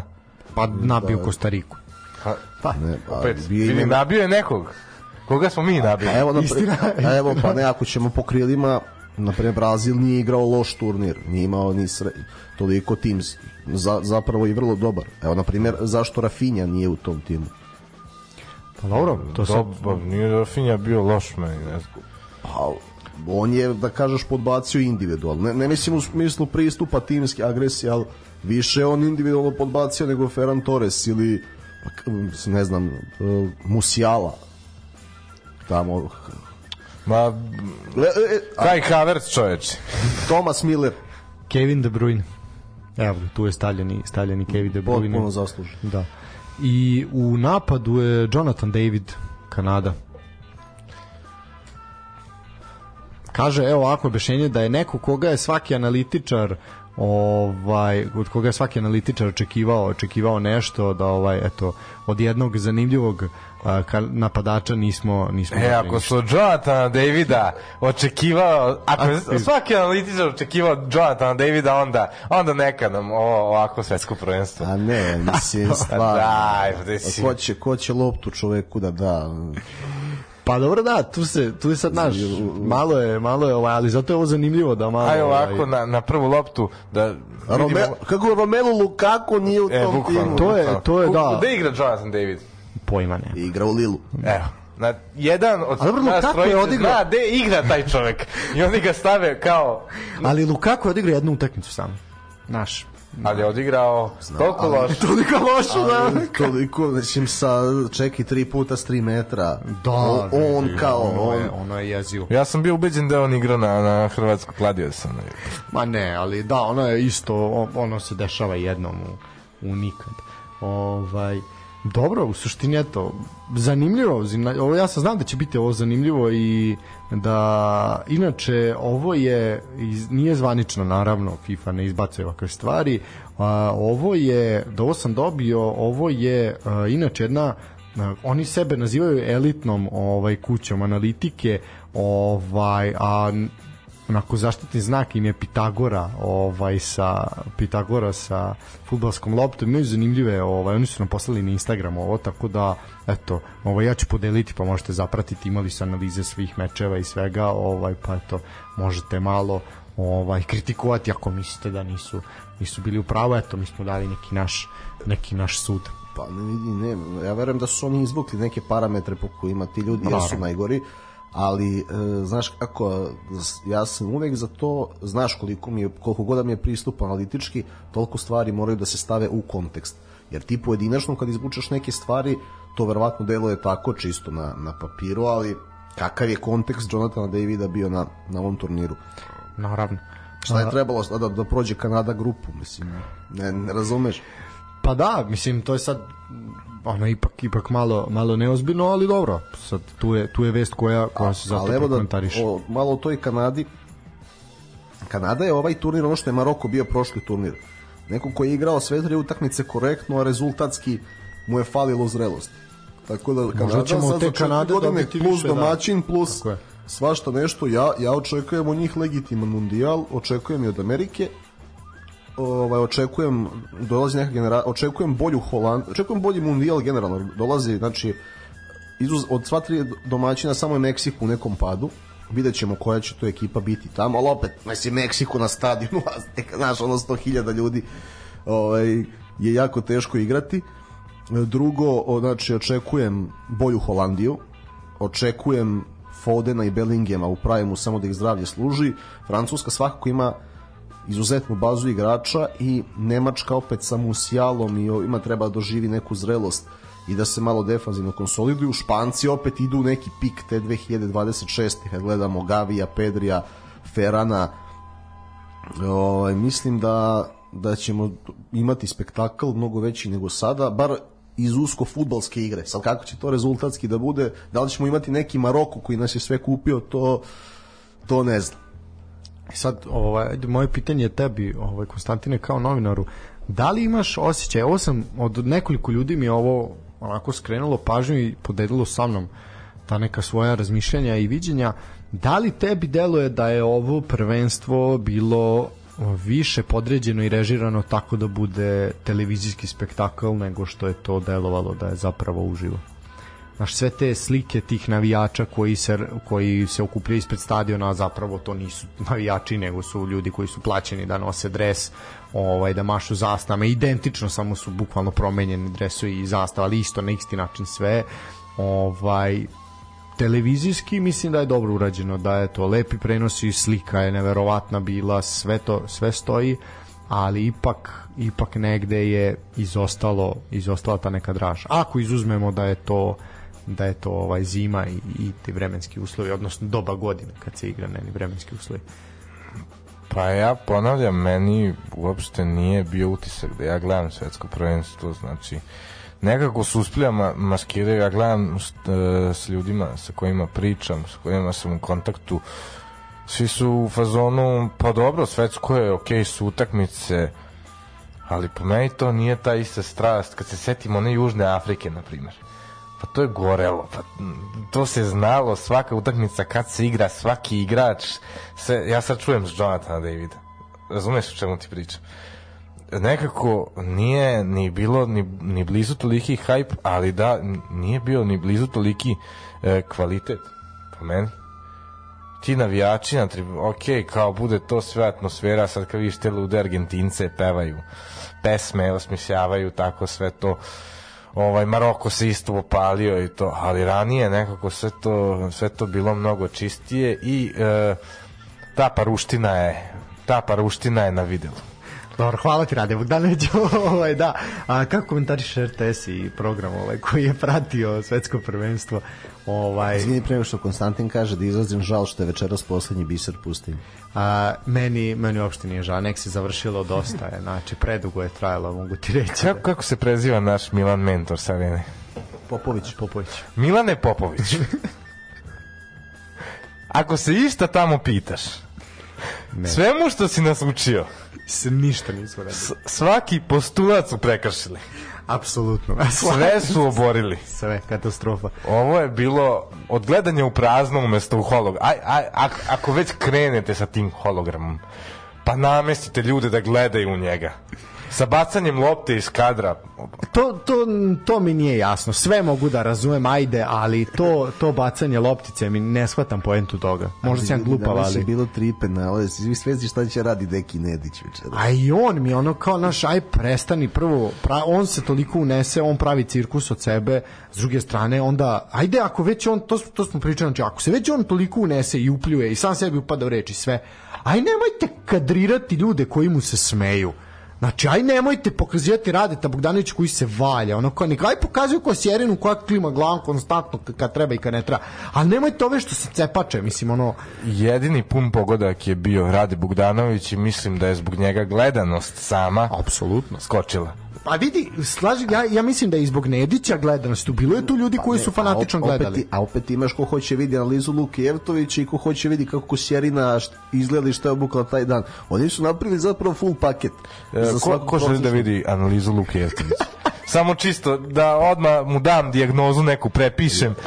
Ja, Jer pa ja želim da vidim analizu, ne želim da vidim njega, ali analizu da. onu njegovu analizu kad, kad meša bekove, kad priča učbenički na on se toliko pokuša on toliko pokušava da dokaže da je on znalac, da je on veliki To je- fudbalski e, intelektu to sve može mnogo prostije da, da se- Dobro, E, vidi, ček, ja, ja, momak, imam- imam momak sa arene koji je danas ovaj koji je danas radio na primjer analizu je upravo to toliko je jednostavnije i iako je lepo je bilo grafički prikazano Jovana ga je ovaj Guzijan ga je uvela on je momak stao on ispred ekrana tap tap tap sve to ovaj rekao i mi, mnogo mnogo jednostavnije i mnogo prostije je bilo uh, mislim da ja ne mislim da je Luka radio loš posao daleko od Ma toga nema ništa protiv dečka. ali samo mislim da je trebalo biti jednostavnije Vidi. Jer ako se već obraćaš širokim narodnim Ja masama, sa svima kojima sam pričao, to je bilo, njegova pojava je bila sama po sebi antipatična jer je toliko se nekako pravio da je uzdignut izvan možda e, on analitičara tako, koji... ali vidi možda on tako i razmišlja, možda se tako i stu- naš kako Ne, kažem, to je- možda se nije folirao, možda je zaista To takav, je- ali to- trebalo to je da jako prvo, gledaj, to je jako prvo veliki kontrast e, harizme u odnosu na Dekija i Radeta. I onda je njemu nije ni malo lako dolazi do izražaja tako to što ovi zasmeju par miliona ljudi da sad on priča e, taj, taj deo je neminovan da bi ljudi nešto e, znali o igri. On je imao sigurno jako dobru nameru on je vaspitan to nije sporno. E sad e, ključno pitanje je kome da daš mm, tu ulogu da to što je grafički lepo prikazano objasni na na pravi način za širi auditoriju. Znači sad ovako s ovim, jel možda misliš... stručne konsultante. Čo, mislim, e, meni uopšte taj moment objašnjavanja taktike e, ok, e, za neku Ne stručniju emisiju, ali gledaoci, sami znate ono što je Milan pričao, na primjer, ono normalizator i to. Pa većina gledaoca ne zna ko, gde, su, gde se bekovi nalaze na terenu. Slažem se da je trebalo možda biti malo uprošteno. Ja ne kažem da, da ja sam za to da bude, znači taj deo treba da bude ako hoćemo nešto nekada da naučimo. Treba, ali mislim samo da je on trebao malo da to pojednostavi. mislim je- da je samo tu to bio problem. Ali definitivno zato što za- ove, ovi za- naprave cirkus, naprave komediju i onda za on tebi četiri ulazi godine i kad dođe naredno prvenstvo sad na primjer nećeš uh, ljudi na primjer evo sada pričamo evo o našoj utakmici da se osvrnemo znaš, za drugi gol za 2-2 protiv Švajcarske niko ne krivi Strahinju Pavlovića svi ga vole on je srčan ovo i ono on je sam na postavio čoveka na krilu bespotrebnim skupljanjem jer je, znaš, ljudi ne vide te stvari. Znači, šta ti sužavaš kad je Veljković na musi Sovu i kad je Milenković na embolu? Šta ti sužavaš na Sova da bi ostavio samog čoveka s polja? I njega niko ne krivi, nego se krivi, ne znam, Milenković zaspao kod emboloa. Ne može on da prati emboloa u sprintu kad si ti... E, te stvari, te stvari i Nije treba da se sporno. pojasne. Treba da se Ovde pojasne, radi ali o treba tome- da ih E, a, pojasne. evo, se radi samo o tome je- koje jesi lice- gledao analizu posle te utakmice? Ne, nisam, jer sam bio deprimiran. Pa ne, okej, a e, nisam ni ja. Sad ne okrivim bez... Ne. e, Ja ne kao- kažem da je njegova analiza bila loša, ja samo mislim da je Ne, trebalo ne, bude ne kažem bez dokaza, ali evo pogledat ću, baš mogu i da vratim i sve, da sam siguran da e, se nije radilo o ovoj analizi koju je on sad rekao, nego je tu bilo nešto čisto i šablonski da se objasni kako je to izgledalo. Meni je sve to e, da se pokaže neka, neka vrsta kiča kao da oni su sposobni da to urade. Ništa mi nije objašnjeno tim analizama, iskreno. Ja mislim iskreno da je budem. samo trebao e, da bude samo je trebalo da bude jednostavnije, odnosno trebalo je da bude malo pitkije jer sam ja napravio jedan mali socijalni eksperiment pa sam okupio ljude koji, da kažeš, sad nastrojica to ozbiljno zagriženo pratimo, jel? Ali okupio sam ljude koji različitih, ono, različite kategorije koliko ko prati, onda sam ih posmatrao šta, kako, baš tu utakmicu sa Švajcarskom. I onda sam gledao i pustio sam namerno biser pustio i sad vidim kako će reagovati. I upravo to, znaš, e, on to je jako dobro i to treba koncentrisano slušati i to sve, ali mislim da je samo trebalo biti malo pitkije što kažeš normalizator, jel? Samo malo jednostavnije da bi, da bi ljudi to ukopčali na pravi način. Jer ovde kad te neko ne razume, nažalost u našoj državi, kad neko ne razume čemu pričaš odmah, odmah te ono... No, već ja nas ne razume ove njihove analize, a ne, realno da budemo... Moraš pratiti Pre- s full koncentracijom da bi shvatio što čemu se radi. Ne, nego se radi, e, ne, sad, sad ovo što si rekao, ja se dovežem. Uh, on se samo postavio tako, kao da se podrazumeva da su svi gledali neku prethodnu analizu. I onda, je onda problem. neki, neki kompleksniji termin ne pojednostavi drugi put i onda, ovaj, ali pazim, ja, moja majka ne prati futbol generalno, ali je svetsko prvenstvo zanimljivo zato što su tu svi kontinenti, kultura, tu su bili i naši, kratko, ali su bili i ostalo. I ona je rekla, bravo za momka, posvećen, samo mi nije jasna svaka reč, ali ja mislim da ovo treba da se nešto nauči. I to je onda, nije problem on, nego kako da, uh, mislim iskreno da je on uh, harizmatični lik, prvo, prvo da, im, da je lik sa dubljim glasom kao muškarac bio bi bolje prihvaćen. Ajde se ne lažemo to kogod se Naravno. pojavi. Znači, i pazi, pa prvi i osnovni razlog što ljudi ne vole Acu Stojanovića, neki, ne, ja ne zbog toga, je dubina glasa. I onda kad nemaš dubog glas kao muškarac, a nešto kažeš pretencijozno, hoćeš da budeš pametan, to ti jako teško u životu. Znaš, o- odmah ti ne, ne daje ti autoritet, svako može da sumnja u tebe. Znaš, jer, mislim, ja, ja sam toliko puta a i, i, i ženama i drugarima ovako podvalio raznu stvar, ali u mene zbog ovog glasa niko ne sumnja. Znaš, to kad ne, ako i nešto ne znam, ja umem da se izvučem, a, a Pa Luka da, ne može. nije, nije naš, mislim da je, nije ideja toliko, nije loša ideja, treba, to sve okej, treba opismeniti narod, ali mislim samo da je to trebalo, znaš kao, ne možeš ti to sad s neba pa u rebra, puf, ono odmah si puko tako nešto. Ne, to mora postepeno da se uvede. Znači, postepeno se to uvodi, postepeno se objašnjava. Kao recimo kao što je sport klub radio sa NFL-om. Znači, postepeno pa se objašnjavaju pravila, pa ti u prenosu objašnjavaju, pa znaš, dok se malo ne uhodaš tim da, stvarima. da sam bliže pratio te analize mogu biti mogu bi tačno izložiti ovde šta, šta mi zasmetalo e, neke akcije on, on stva, e, ja verujem da postoje imena za te akcije ali gledalci ih ne znaju ne znam ih ni ja koji pratim futbol. Verujem ni, ni vi ne znate sva ta imena imena. I on navodi ta imena kao grade akciju tipom e, lupam sad u šahu francuskim otvaranjem razumeš? I sad ti gleda on hoće da ispadne da, da zna mnogo više što verujem i da zna mnogo više od prosečnog gledalca ali to nikome nije jasno šta on priča. Evo, evo ja ću ti reći odmah, e, pošto je bio član stručnog štaba u nekim klubovima, za njega svi igrači e, smatraju da mnogo zna, a sa njim nemaju nikakav lični odnos. Znaš, to ti je ona, da ne upotrebim neku ružniju reč, nego mislim da je tu stvar malo, da kažem, socijalne inteligencije. O tome se radi. Moguće, ne možeš ti, ne, on je, evo juče ja sam gledao, radio sam jednu analizu vezano za Argentinu, e, i najavu finala, ne možeš ti ti ne možeš u live prenosu da govoriš zona 14, zato što ja znam šta je zona 14, ali ne moraš gledaocima i, i, da, i, i da si rekao ne, i da si rekao prvi put moraš da ponoviš svaki put da to dok se taj termin u narodu ne primi. To je ono što- to je to što možda- sam pazi, ja ja rekao. neka, možda za 10 godina. Ja sam ja se nadam da ću se baviti tim poslom da ne otkrivamo ovaj slušaocima sada, ali možda ću ja za 10 godina moći da upotrebim zona 14 i da to cijela zemlja zna ako toliko uznapredujemo. Čisto Ono, sumnjam. to je ovo što sam ti ja rekao. Ali ne može sada. Mora postepeno. Pa tu upravo to sam rekao malo E, pre. Znači, ali ima još, znaš šta je njegov problem? Što on stalno viče e, nemamo sad vremena, nemamo sad vremena.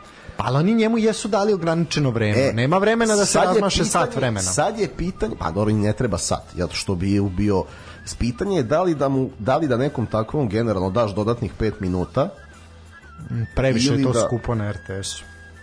To e onda skupo. pa onda opet se vraćamo na na Mora to šta da- može u ok, datom okviru. O, tako je, znači u tom okviru kom ima, on mora, mora biti jednostavniji. To je to što smo rekli, znači moraš uvesti u priču, a ne možeš odjedanput se pravimo kao da je to naš tako. ili da mu platiš, znači za one koji to žele da gledaju, da YouTube kanal RTS-a obja- objavi video 10-15 minuta i ko želi poput mene da, gleda, da uči o taktici, da Pa može kad bi RTS zanimalo da radi svoj posao, pošto RTS ne Pa zanima. da, ja, e, neću- to je- javni medijski servis koji nam daje ovaj prenose utakmica kakve gledamo. Ma da, mislim, ali nisu, je, ali nije to, nisu oni jedini, jel ti misliš da su drugi drugačiji po tom Ne, ne, pitanju? ne, ka- pa, Daj Bože da svi postanu, Pa, ali na, gledao mi iz našeg prim... Pa, evo, e, Arena kako uradila prvenstvo za klasu iznad klasa iznad RTS. Jeste. RTS je javni medijski servis e, iz budžeta Tako dobijaju mnogo veće pare. Sad ja ne znam koje pare se vrte u areni, ali to su e, to nisu pare iz budžeta. Pa, tehnički, da. Tehnički nisu pare. Tehnički nisu, jeste pare od državne firme, ali ok, Telekom zarađuje i na druge načine, a ne samo iz, iz budžeta. A jav, a RTS je isključivo ono iz budžeta finansira. I sada ti imaš situaciju da, da ti se zapitaš kako je to tako organizovano. Pa ali nema, razumeš, kako bi ti rekao, nema odgovornosti, nema, uh, ti vidiš da je, njih niko nije kontrolisao, šta ti govori situacije, niko ne kontroliše šta će se reći i onda tako nešto odvali se ona glupo za žene, mislim što je de facto istina, i onda ti se dignu u upravni odbor RTS-a, kreću da osuđuju Radeta Bogdanovića i onda ti imaš moment da ovi traže od njega da se izvini u, u toku ovaj emisije, da on kaže to- neće. To mi je, to mi je bio vrh. Jedini, jedini autoritet, u autoritet u mom životu je moja žena. Moja žena je rekla da sam ja u pravu gotovo. Ova. I onda se Memedović izvinjava, mislim, onda imao si moment sa oblačenjem voditelja gde se komentariše Kosjerinin izgled njeni biseri vamo tamo, onda reaguje Olivera Kovačević i kaže ok, saš bi zakupčana do grla i onda je u svakoj narednoj bila ono, koš, narednih nekoliko je bila E, Kosjerina mi je b, šal na stranu o, odradila pošteno. ja mislim pošteno da ovo prvenstvo. nijedna zamerka na nju nema. Nije, Našla se, baš se snašla u toj ulozi ovaj, pomagača što ovaj, žene obično imaju u tim ona, ona je studijima. pokazala da posle Jevtovića najbolje poznaje futbol Da, u celom studiju. Da. Memedović totalno nezainteresovan, ono, mislim, već postaje, već se ponavljamo s tom pričom, ali meni je zaista Ali nije on čovjek za ulogu. Ja ne znam zašto on, on je sjajan novinar, ja ne znam zašto čoveku, čoveku ovo rade. Zar nije neko je to bio sad neka priča koju mi ne znamo drugi, iznutra. mislim, da, ali- o, o, on je mm, je na jedan način jedno od lica RTS. Jeste. Ali, Ali dalje je tu bio neophodan da sedi svaki dan po ceo dan. Ne. Znači i onda ono su počeli da ga uopšte, sklanjaju. uo- uopšte nije toliko tu po... Daj nekom šansu, nekom mladom, novom možda. Pa ovi momci što su bili, ajde bili su bili su okej, ovaj m, pritom mislim na ovog drugog, ne na ovog što ga čak um, što radi studio studio ovaj kad je Liga šampiona i to nego je drugi sad zaboravio kako se zove, ali nije ni bitno, ovaj setićemo se. Tako da sve u svemu onako ozbiljan ozbiljan poduhvat je i to i za i za medijske kuće i sve po meni kad podvučemo crtu RTS je onako po to poprilično loše je bilo. A nismo došli do najgoreg dela što su komentatori. A vidi, da, a, možemo i to, imamo 5 minuta, završimo tu temu pa ćemo preći na preći na Da. drugu temu. Da, ne vidi, što se tiče što se tiče RTS-a zaista zaista jako loše je to bilo u nekim momentima.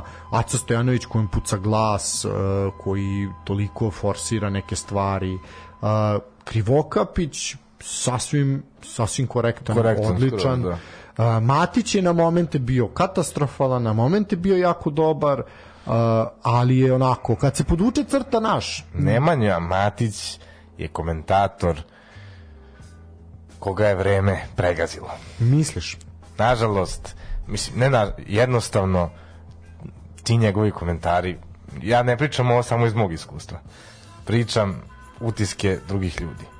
Nebitno da svi nismo u pravu, da je samo on u pravu. Ako imaš naciju koja se samo moli da se prekine ta, ta agonija, taj prenos, sa jedne strane i njega sa druge strane koji to toliko e, entuzijastično pokušava da ovaj komentariše i da to nekako prenese na publiku, ali jednostavno to više ne ide. ne znam, znaš, ne mogu, re, u nekim momentima je bio zaista dobar, solidan, negde je bio ono katastrofa, ono za to čitanje knjige kao bukvar, pa za jurnjava pored škole 35 na sat i mislim to neke ovaj, uhapsili bi ga i... Neko ko zna još neki jezik pored engleskog kao što on zna treba realno da iskoristiš za te intervjue i čisto novinarske I on je stvari. te intervjue solidno uradio. Pa nije on tu problem. Problem je što a i on, on gledaj, od tri komentatora RTS-a dvojica hoće da budu veći od prenosa. I zato je Krivokapić najbolji. Prvo što ima najbolji glas, drugo što nema čovek nameru da ti remeti utakmicu. A, ali nikad nećemo raditi na RTS-u, a? ovoga. Da, a dobro, s tim se već pomirili. Ne, Ovaj, ali, da mi je to cilj, ne bih bio iskren s vama. Da. Tako.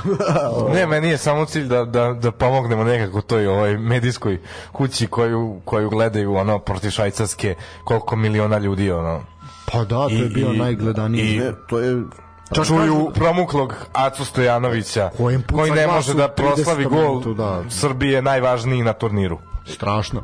Pritom ga neko ne zameni na poluvremenu, znači šta radi taj urednik I kukanje, redakcije? i oh oh, i jaj jaj jaj, i joj joj. Da, da, to aj, aj, aj, to ono, mene kao da ono za moment kao što gledam moćne rangere, razumeš, i onog malog robota što ja učem, mislim, ono, zaista, mislim, od deca 90-ih će shvatiti čemu pričam, ali sve u svemu, ono, ajde, nadamo se da će biti bolje, ono, kad dolaze neke mlađe snage da nešto će se tu promeniti. Po meni je čak i Albijanić bio, onako se provaljivao u nekim momentima najave sa priče i tako, bilo je, bilo je zaista grešaka, ali ajde, nadamo se da će biti bolje. I što je najgore, oni na RTS-u imaju ove neke dobre novinare. Stav mi sad mozak, ona ima ovog što prenosi Waterpolo. E, Da, setit ćemo se. Da, Da. Krupan, da, Krupan velika. I oko emisiju e, vodi isto jedan dobar novinar sad. Stanišan Gorislava Papića, misliš? Crn. Da, da, da, da, da. Pa da. dobro, ali on nije, o, mislim, on je dobio tu Ne, ne, ne, priču, kažem, da. imaju, imaju, Pa ima, naravno, imaju da, zaista dobrih novinara i, i koji u svakoj firmi mora da biti neko mogu, ko vuče mogu i neko pronaći ko... i, i dobri komentator, jednostavno treba se napraviti neka promena da ovo izgleda malo profesionalnije, jel da, malo više da uživam u, svemu ovom. Vidim, kakva je država, takav je javni servis. Znaš, ta slika, slika i prilika. Uh, ja bih ja bih ovaj otišao na otišao na jednu kratku pauzu pa ćemo pričati i o vesti koja je onako pored svetskog prvenstva i ove završnice svakako ovaj malo podigla prašinu ovaj u Srbiji pogotovo što sad nema ovaj fudbalskih dešavanja mada su superligaši polako neki od superligaša polako krenuli sa pripremama ali to ćemo već pričati neki neki drugi put kad se to sve malo zakuva. A kažem idemo na idemo na jednu pesmu ovaj kratku pa ćemo pa ćemo pričati o basketu. I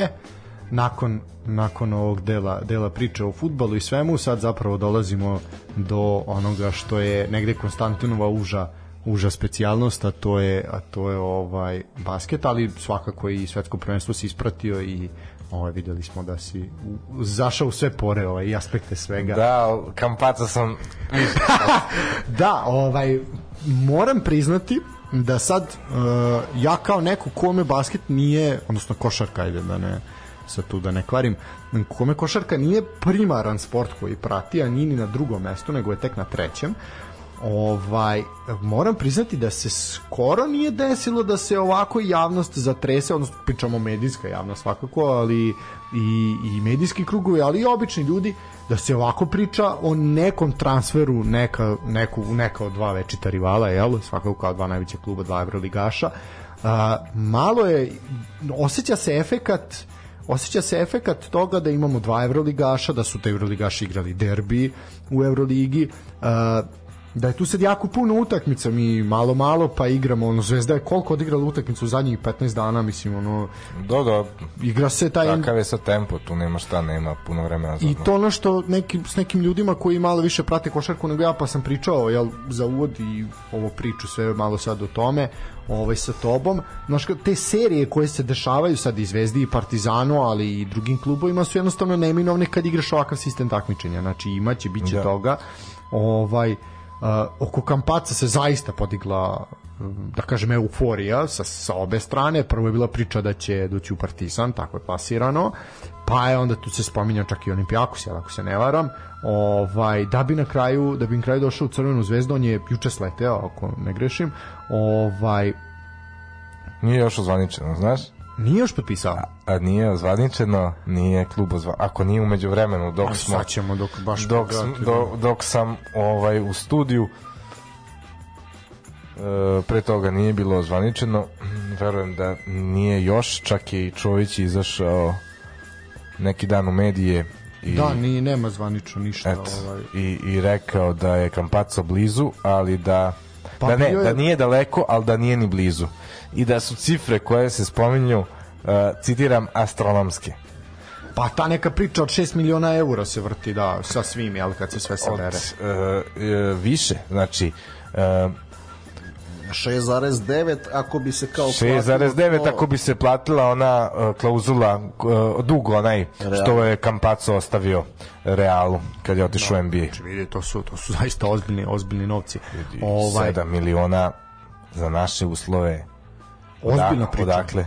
E, to je svakako... Dobro, i- zna se i odakle, ali mm, kako se zove, ovde se radi samo o tome da li je to tačno ili nije tačno. Nema, nema dileme odakle je. Mislim, Da, ne, pa jasno je da je to od države, mislim, to ali nema samo... pa od sponzora. sad ja stvarno ne Mislim, znam države, kad se kaže od države, misli se vidi, od državnih e, pre, javnih jedan i drugi klub kad to rade a rade nekako to gledaju da zataškaju Da. ovo bi baš bilo Jako neotvoreno E sad, Znači ove cifre moraju da se promene u narednih nekoliko dana. Mora da se ispostavi da je da je manje da je manje da su manje cifre u pitanju, inače će baš da bude ono da se začeše neko u glavi da pita kao šta se a ne dešava. verujem ja da baš postoji neka institucija koja će se početi. Neće se niko neće se ništa reagovati, da. ali onda Ali e, navijači Partizana pitanje. imaju ozbiljan argument da kažu Pa, Pa i- došli smo do toga da se piše Mariniki Tepić da se istraži, da, mislim, da bilo ali je- gledaj, znaš kako i nemaju... Ma, a ne, ne, ne, digo je, digo je navijač kredit, zaboravio sam, izvinjavam se. A da, da, da, da. da. Digo je da pomogne crveno. Možda je to e, ovaj priča kojom će se kojom će se da, pa dobro. Šta znam. okej. A ja sam razmišljao iskreno podignem neki kredit, znaš. Ovaj da dam, ali ne baš o, 7 miliona, nego nekih tipa ono, 300 eura od mene dosta, razumeš? Pa vidi, sasvim je. Svako po 300 i eto Jan Kampaco, razumeš? Da, Možemo, da, da, koliko možemo dovesti i Mike Jamesa, možemo i Lebrona ako hoćemo. Ne, ovaj... Sa, sa Kampacom ili bez njega, a, oba tima su lupala po klinički centar u tim ove godine. Ne, ne, ozbiljna da li će jedan da, da bude blizu top 8 ili neće? Pa ali mislim da generalno je Crvena zvezda mnogo bliže. Pa gledaj, ali ta zatvorena Euroliga već 20 godina, mislim prvo polu zatvorena, sad skoro skroz zatvorena, to što je, znaš, jer da je naši klubovi ne igraju, mi bismo samo kukali kako taj sistem takmičenja nema smisla. Uh, Ja opet apostrofiram da niko neće da se seti toga da Trento ili Virtus pre ovog ulaska u Euroligu znači budu šampioni Italije pa je Armani igra. Evropska košarka nema nikakav smisao zato što je FIBA neozbiljna, izgubila primat. I to, nego se mi radujemo zato što eto imamo dva kluba gde će neko ista strana da sipa novac i pravi tas na vagi. Sad ako potpiše kampacu, onda ovamo šta mora odmah Tyler Dorsey da, da se odgovori. Jalo, bre, ljudi, pa... Ma da, mislim, Ali samo da, se, je. samo da se troši i da se ne stvara ni iz čega. Ajde, ovaj Ivanović nešto i radi, ali... Ide se po volji navijača. Da, ne znam. samo- Vidi, hale su pune. Hale Tako su je, pune. možemo i pričamo šta hoćemo, Pionir je Pazi, pionir protiv Žalgirisa, ja sam bio. Ona atmosfera nije bila Dugo, dugo. dugo. Poslednji put da sam tako nešto doživeo bilo protiv Reala u areni je bilo 16.000 navijača, znaš. Ovo protiv Žalgirisa, tamo posle ona dva minuta atmosfera, zviždanje u jednom momentu, baš smo sedeli ja i Delić i ne čujemo pištolj ko sudije. Gledamo, igrači ne čuju, nastavili da igraju. Ovo je sudio faul. Ali to dugo, dugo nije bilo ovaj dugo nije bilo ovaj bar što se tiče košarkaškog kluba Crvena zvezda da tako su pune hale. Ovaj bilo je u onom jednom periodu pa je onda Za Partizan je očekivano, jel da? Povratak u Euroligu, povratak Obradovića, pa na, tu- na tu kartu se na sve tu se, kartu se, sve napravilo. se nekako skupilo i sad je Partizanu biti ili ne biti zapravo i eto napravila se drama oko ove sezone da su bolje počeli od Zvezde i izgledali kao neki tim koji je zapravo projektovan možda i za top 8 za titul ABA lige svakako ali umešali su tu ovaj, prste pojedini stručnjaci, pojedini faktori A kako Ovaj. objašnjavaš taj moment, na primjer, ok, sad si rekao, jesu pune hale kad igra Euroligu, ali na ABA ligi prazno i kod jednih i kod drugih. Pa nije, Partizana je bila dobra poseta ovaj, u ABA ligi, još uvek jer se igra u areni, bude tu ljudi. E, međutim, ABA liga nije u interesu navijača, pogotovo ne navijača Crvene zvezde, znaš. Tu je bojkot još uvek, onaj, ovaj, Oni to malo bojkotuju, pa malo prestanu, oni bojkotuju, pa malo pa da. ne, i, i, i ti e, ig- e, navijači koji dođu u play-offu e, nisu ultrasi, nisu, nisu delije, razumeš? Nego su ti Je- došli jesu. simpatizeri. Ma jesu, nego ne ponesu zastave Pa i faliraju se. Pa mora, pa mora bude neko da, da bude u prvim redovima, mislim, to je... Ali je, Pa ne, za- pričam ti, znam iz, znam iz prve ruke da neki ljudi baš, baš ne idu, razumeš? Neki. Da, da. Neki, da. Vidi, A ne, neki- naravno, ne, ne, pa neki dođu meni je to da prvom glupost. Ja nisam ultras, ali ono, simpatizer sam kluba i ja, kada odem, ja bi otišao na utakmicu da igramo, ne znam sa kojom državom. Razumeš, nema to meni bojkotovanje čovjek igrati klub, ako je već ušao u to, moraš da podržaš pogotovo kad je večiti derbi u finalu, kako ne odeš čoveče. Pa naravno, da. Pazi, bude, budeš prvi klub u zemlji koji ode u ABA ligu i onda je kao bojkotuješ. To, to, to, to te, treba umeti. A. A, kako, kako gledaš, ok, ajde, na taj razvoj situacije, sad je Partizan bio ovaj, zaista loše, lošoj seriji, ajde, prekinuli su pobedom Efesa. Ovaj, Bio sam i na toj utakmici i Partizan je zaigrao zaista dobru odbranu na toj utakmici i u tome će biti i ključ u nastavku Partizanove sezone koliko će oni moći da igraju disciplinovanu odbranu. Znaš, u napadu Partizan ima mnogo opcija, ne sviđa mi se napad u ovim trenucima i sad su rešavali nekim individualnim opcijama, Panter poludeo, e, pa Naneli pogodio neke šuteve koje ne mogu da os- oslovim na Nanelija, ne ja, nego navijači Partizana, da, da će da pogodi u nastavku sezone videli smo neke e, oscilacije u njegovoj igri Pa vidi, svi će oni imati s obzirom na broj utakmica i, znaš, a da, on generalno nije taj igrač koji će ti e, davati konstantne brojeve Znaš, pa, Panter bi trebalo da bude taj, ali se ispostavilo da nije ni on. E, nekako se traže tog konstantnog igrača u Lesoru, što je isto, da, da to kažeš nekom pre dve godine, ili godinu dana čak, rekao bi ti, pa ti si lud, kakav Lesor konstantan igrač. Ma, međutim, Partizan ima e, dobrog trenera na klupi, ima ovaj solidnu ekipu, ne znam koliko je to sad precizno sastavljeno, ali to će vreme dokazati.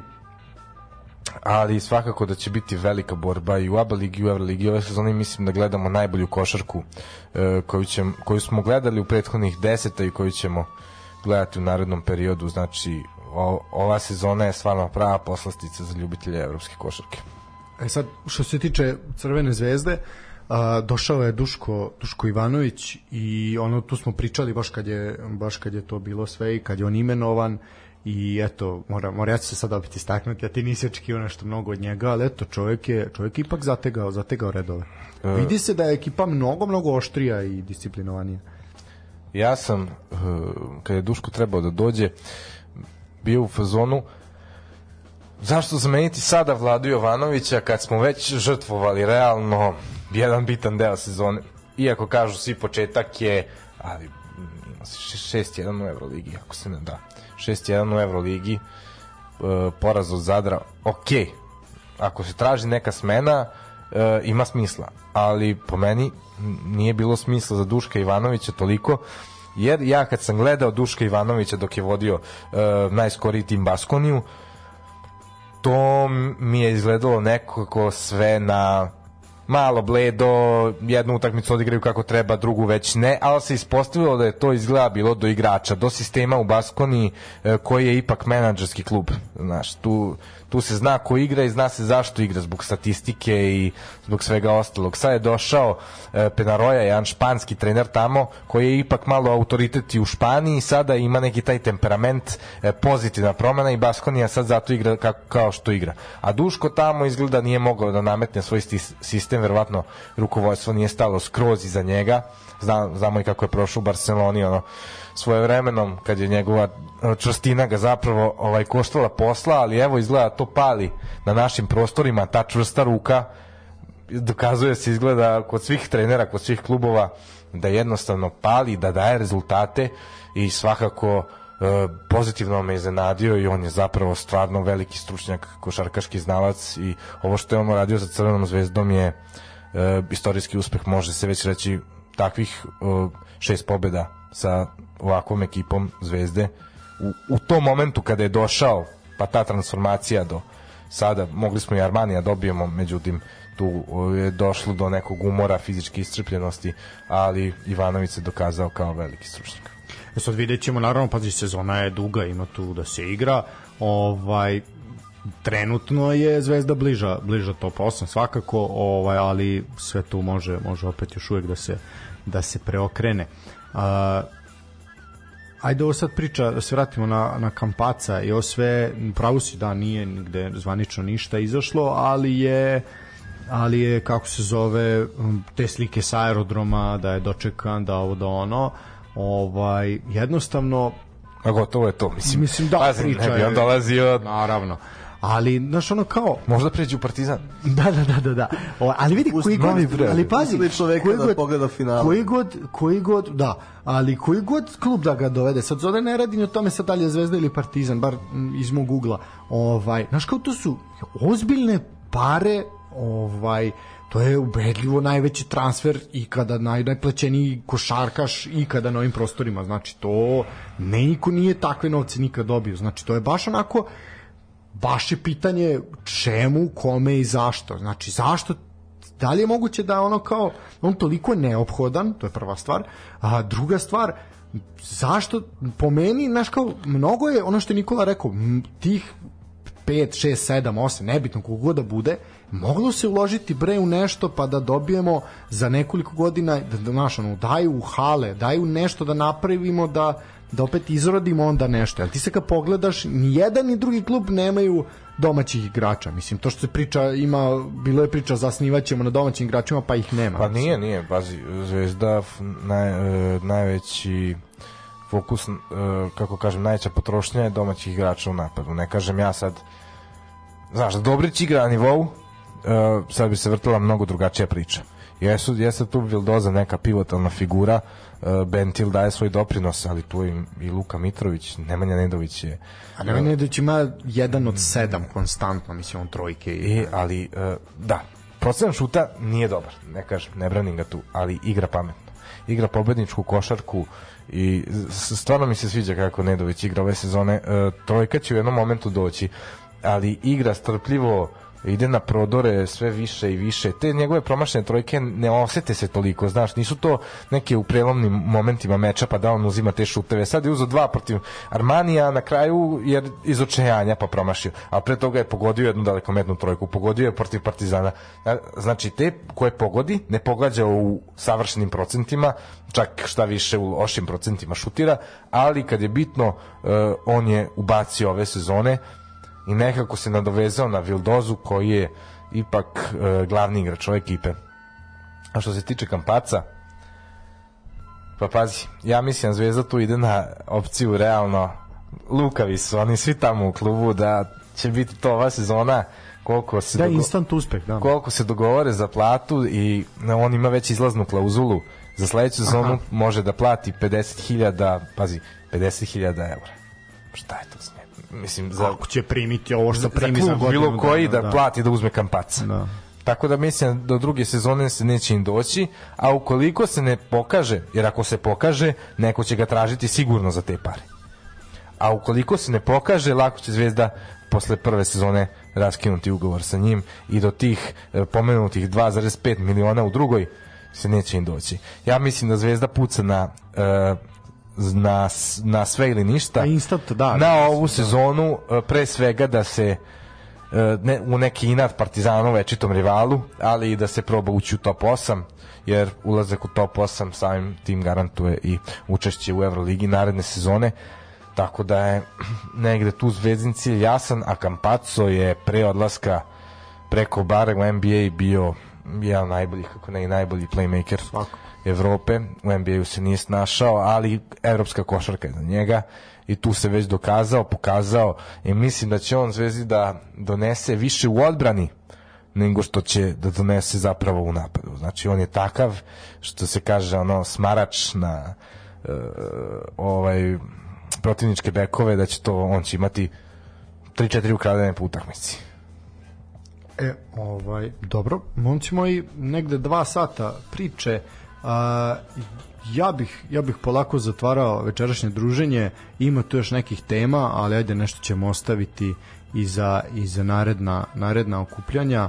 Ovaj, malo smo, eto, posle dužeg vremena smo se bavili i nekim I o, odmah da ti najavim, nemoj da planiraš emisiju sledeći ponedeljak. Dobro, to možemo se dogovoriti. Ne, ne, za, odmah ti na- znači, zato što je Boxing Day, realno, želili smo se malo i klubskog, intenzivnijeg futbala i objektivno same igre kvalitetnijeg, mi neki, tako da ovaj gledaj smišljamo ono napred neki ima, drugi ima termin. ovaj jedna će biti emisija urađena a neće biti sportskog karaktera to to je nešto nešto što smišljam da napravim ovaj ali to ćemo svakako sve sve obaveštavati ali ja mislim da što se tiče sporta mislim da ćemo mi onako na jedan mali mali kratki godišnji odmor ovaj do ovih praznika i svega da ćemo tamo negde se vratiti s pričom u januaru kad krene pre nego što krene rukometno prvenstvo koje nas čeka ovaj tako da ćemo tu to ti je dobro da ispratimo to pre nego što počne Linglong.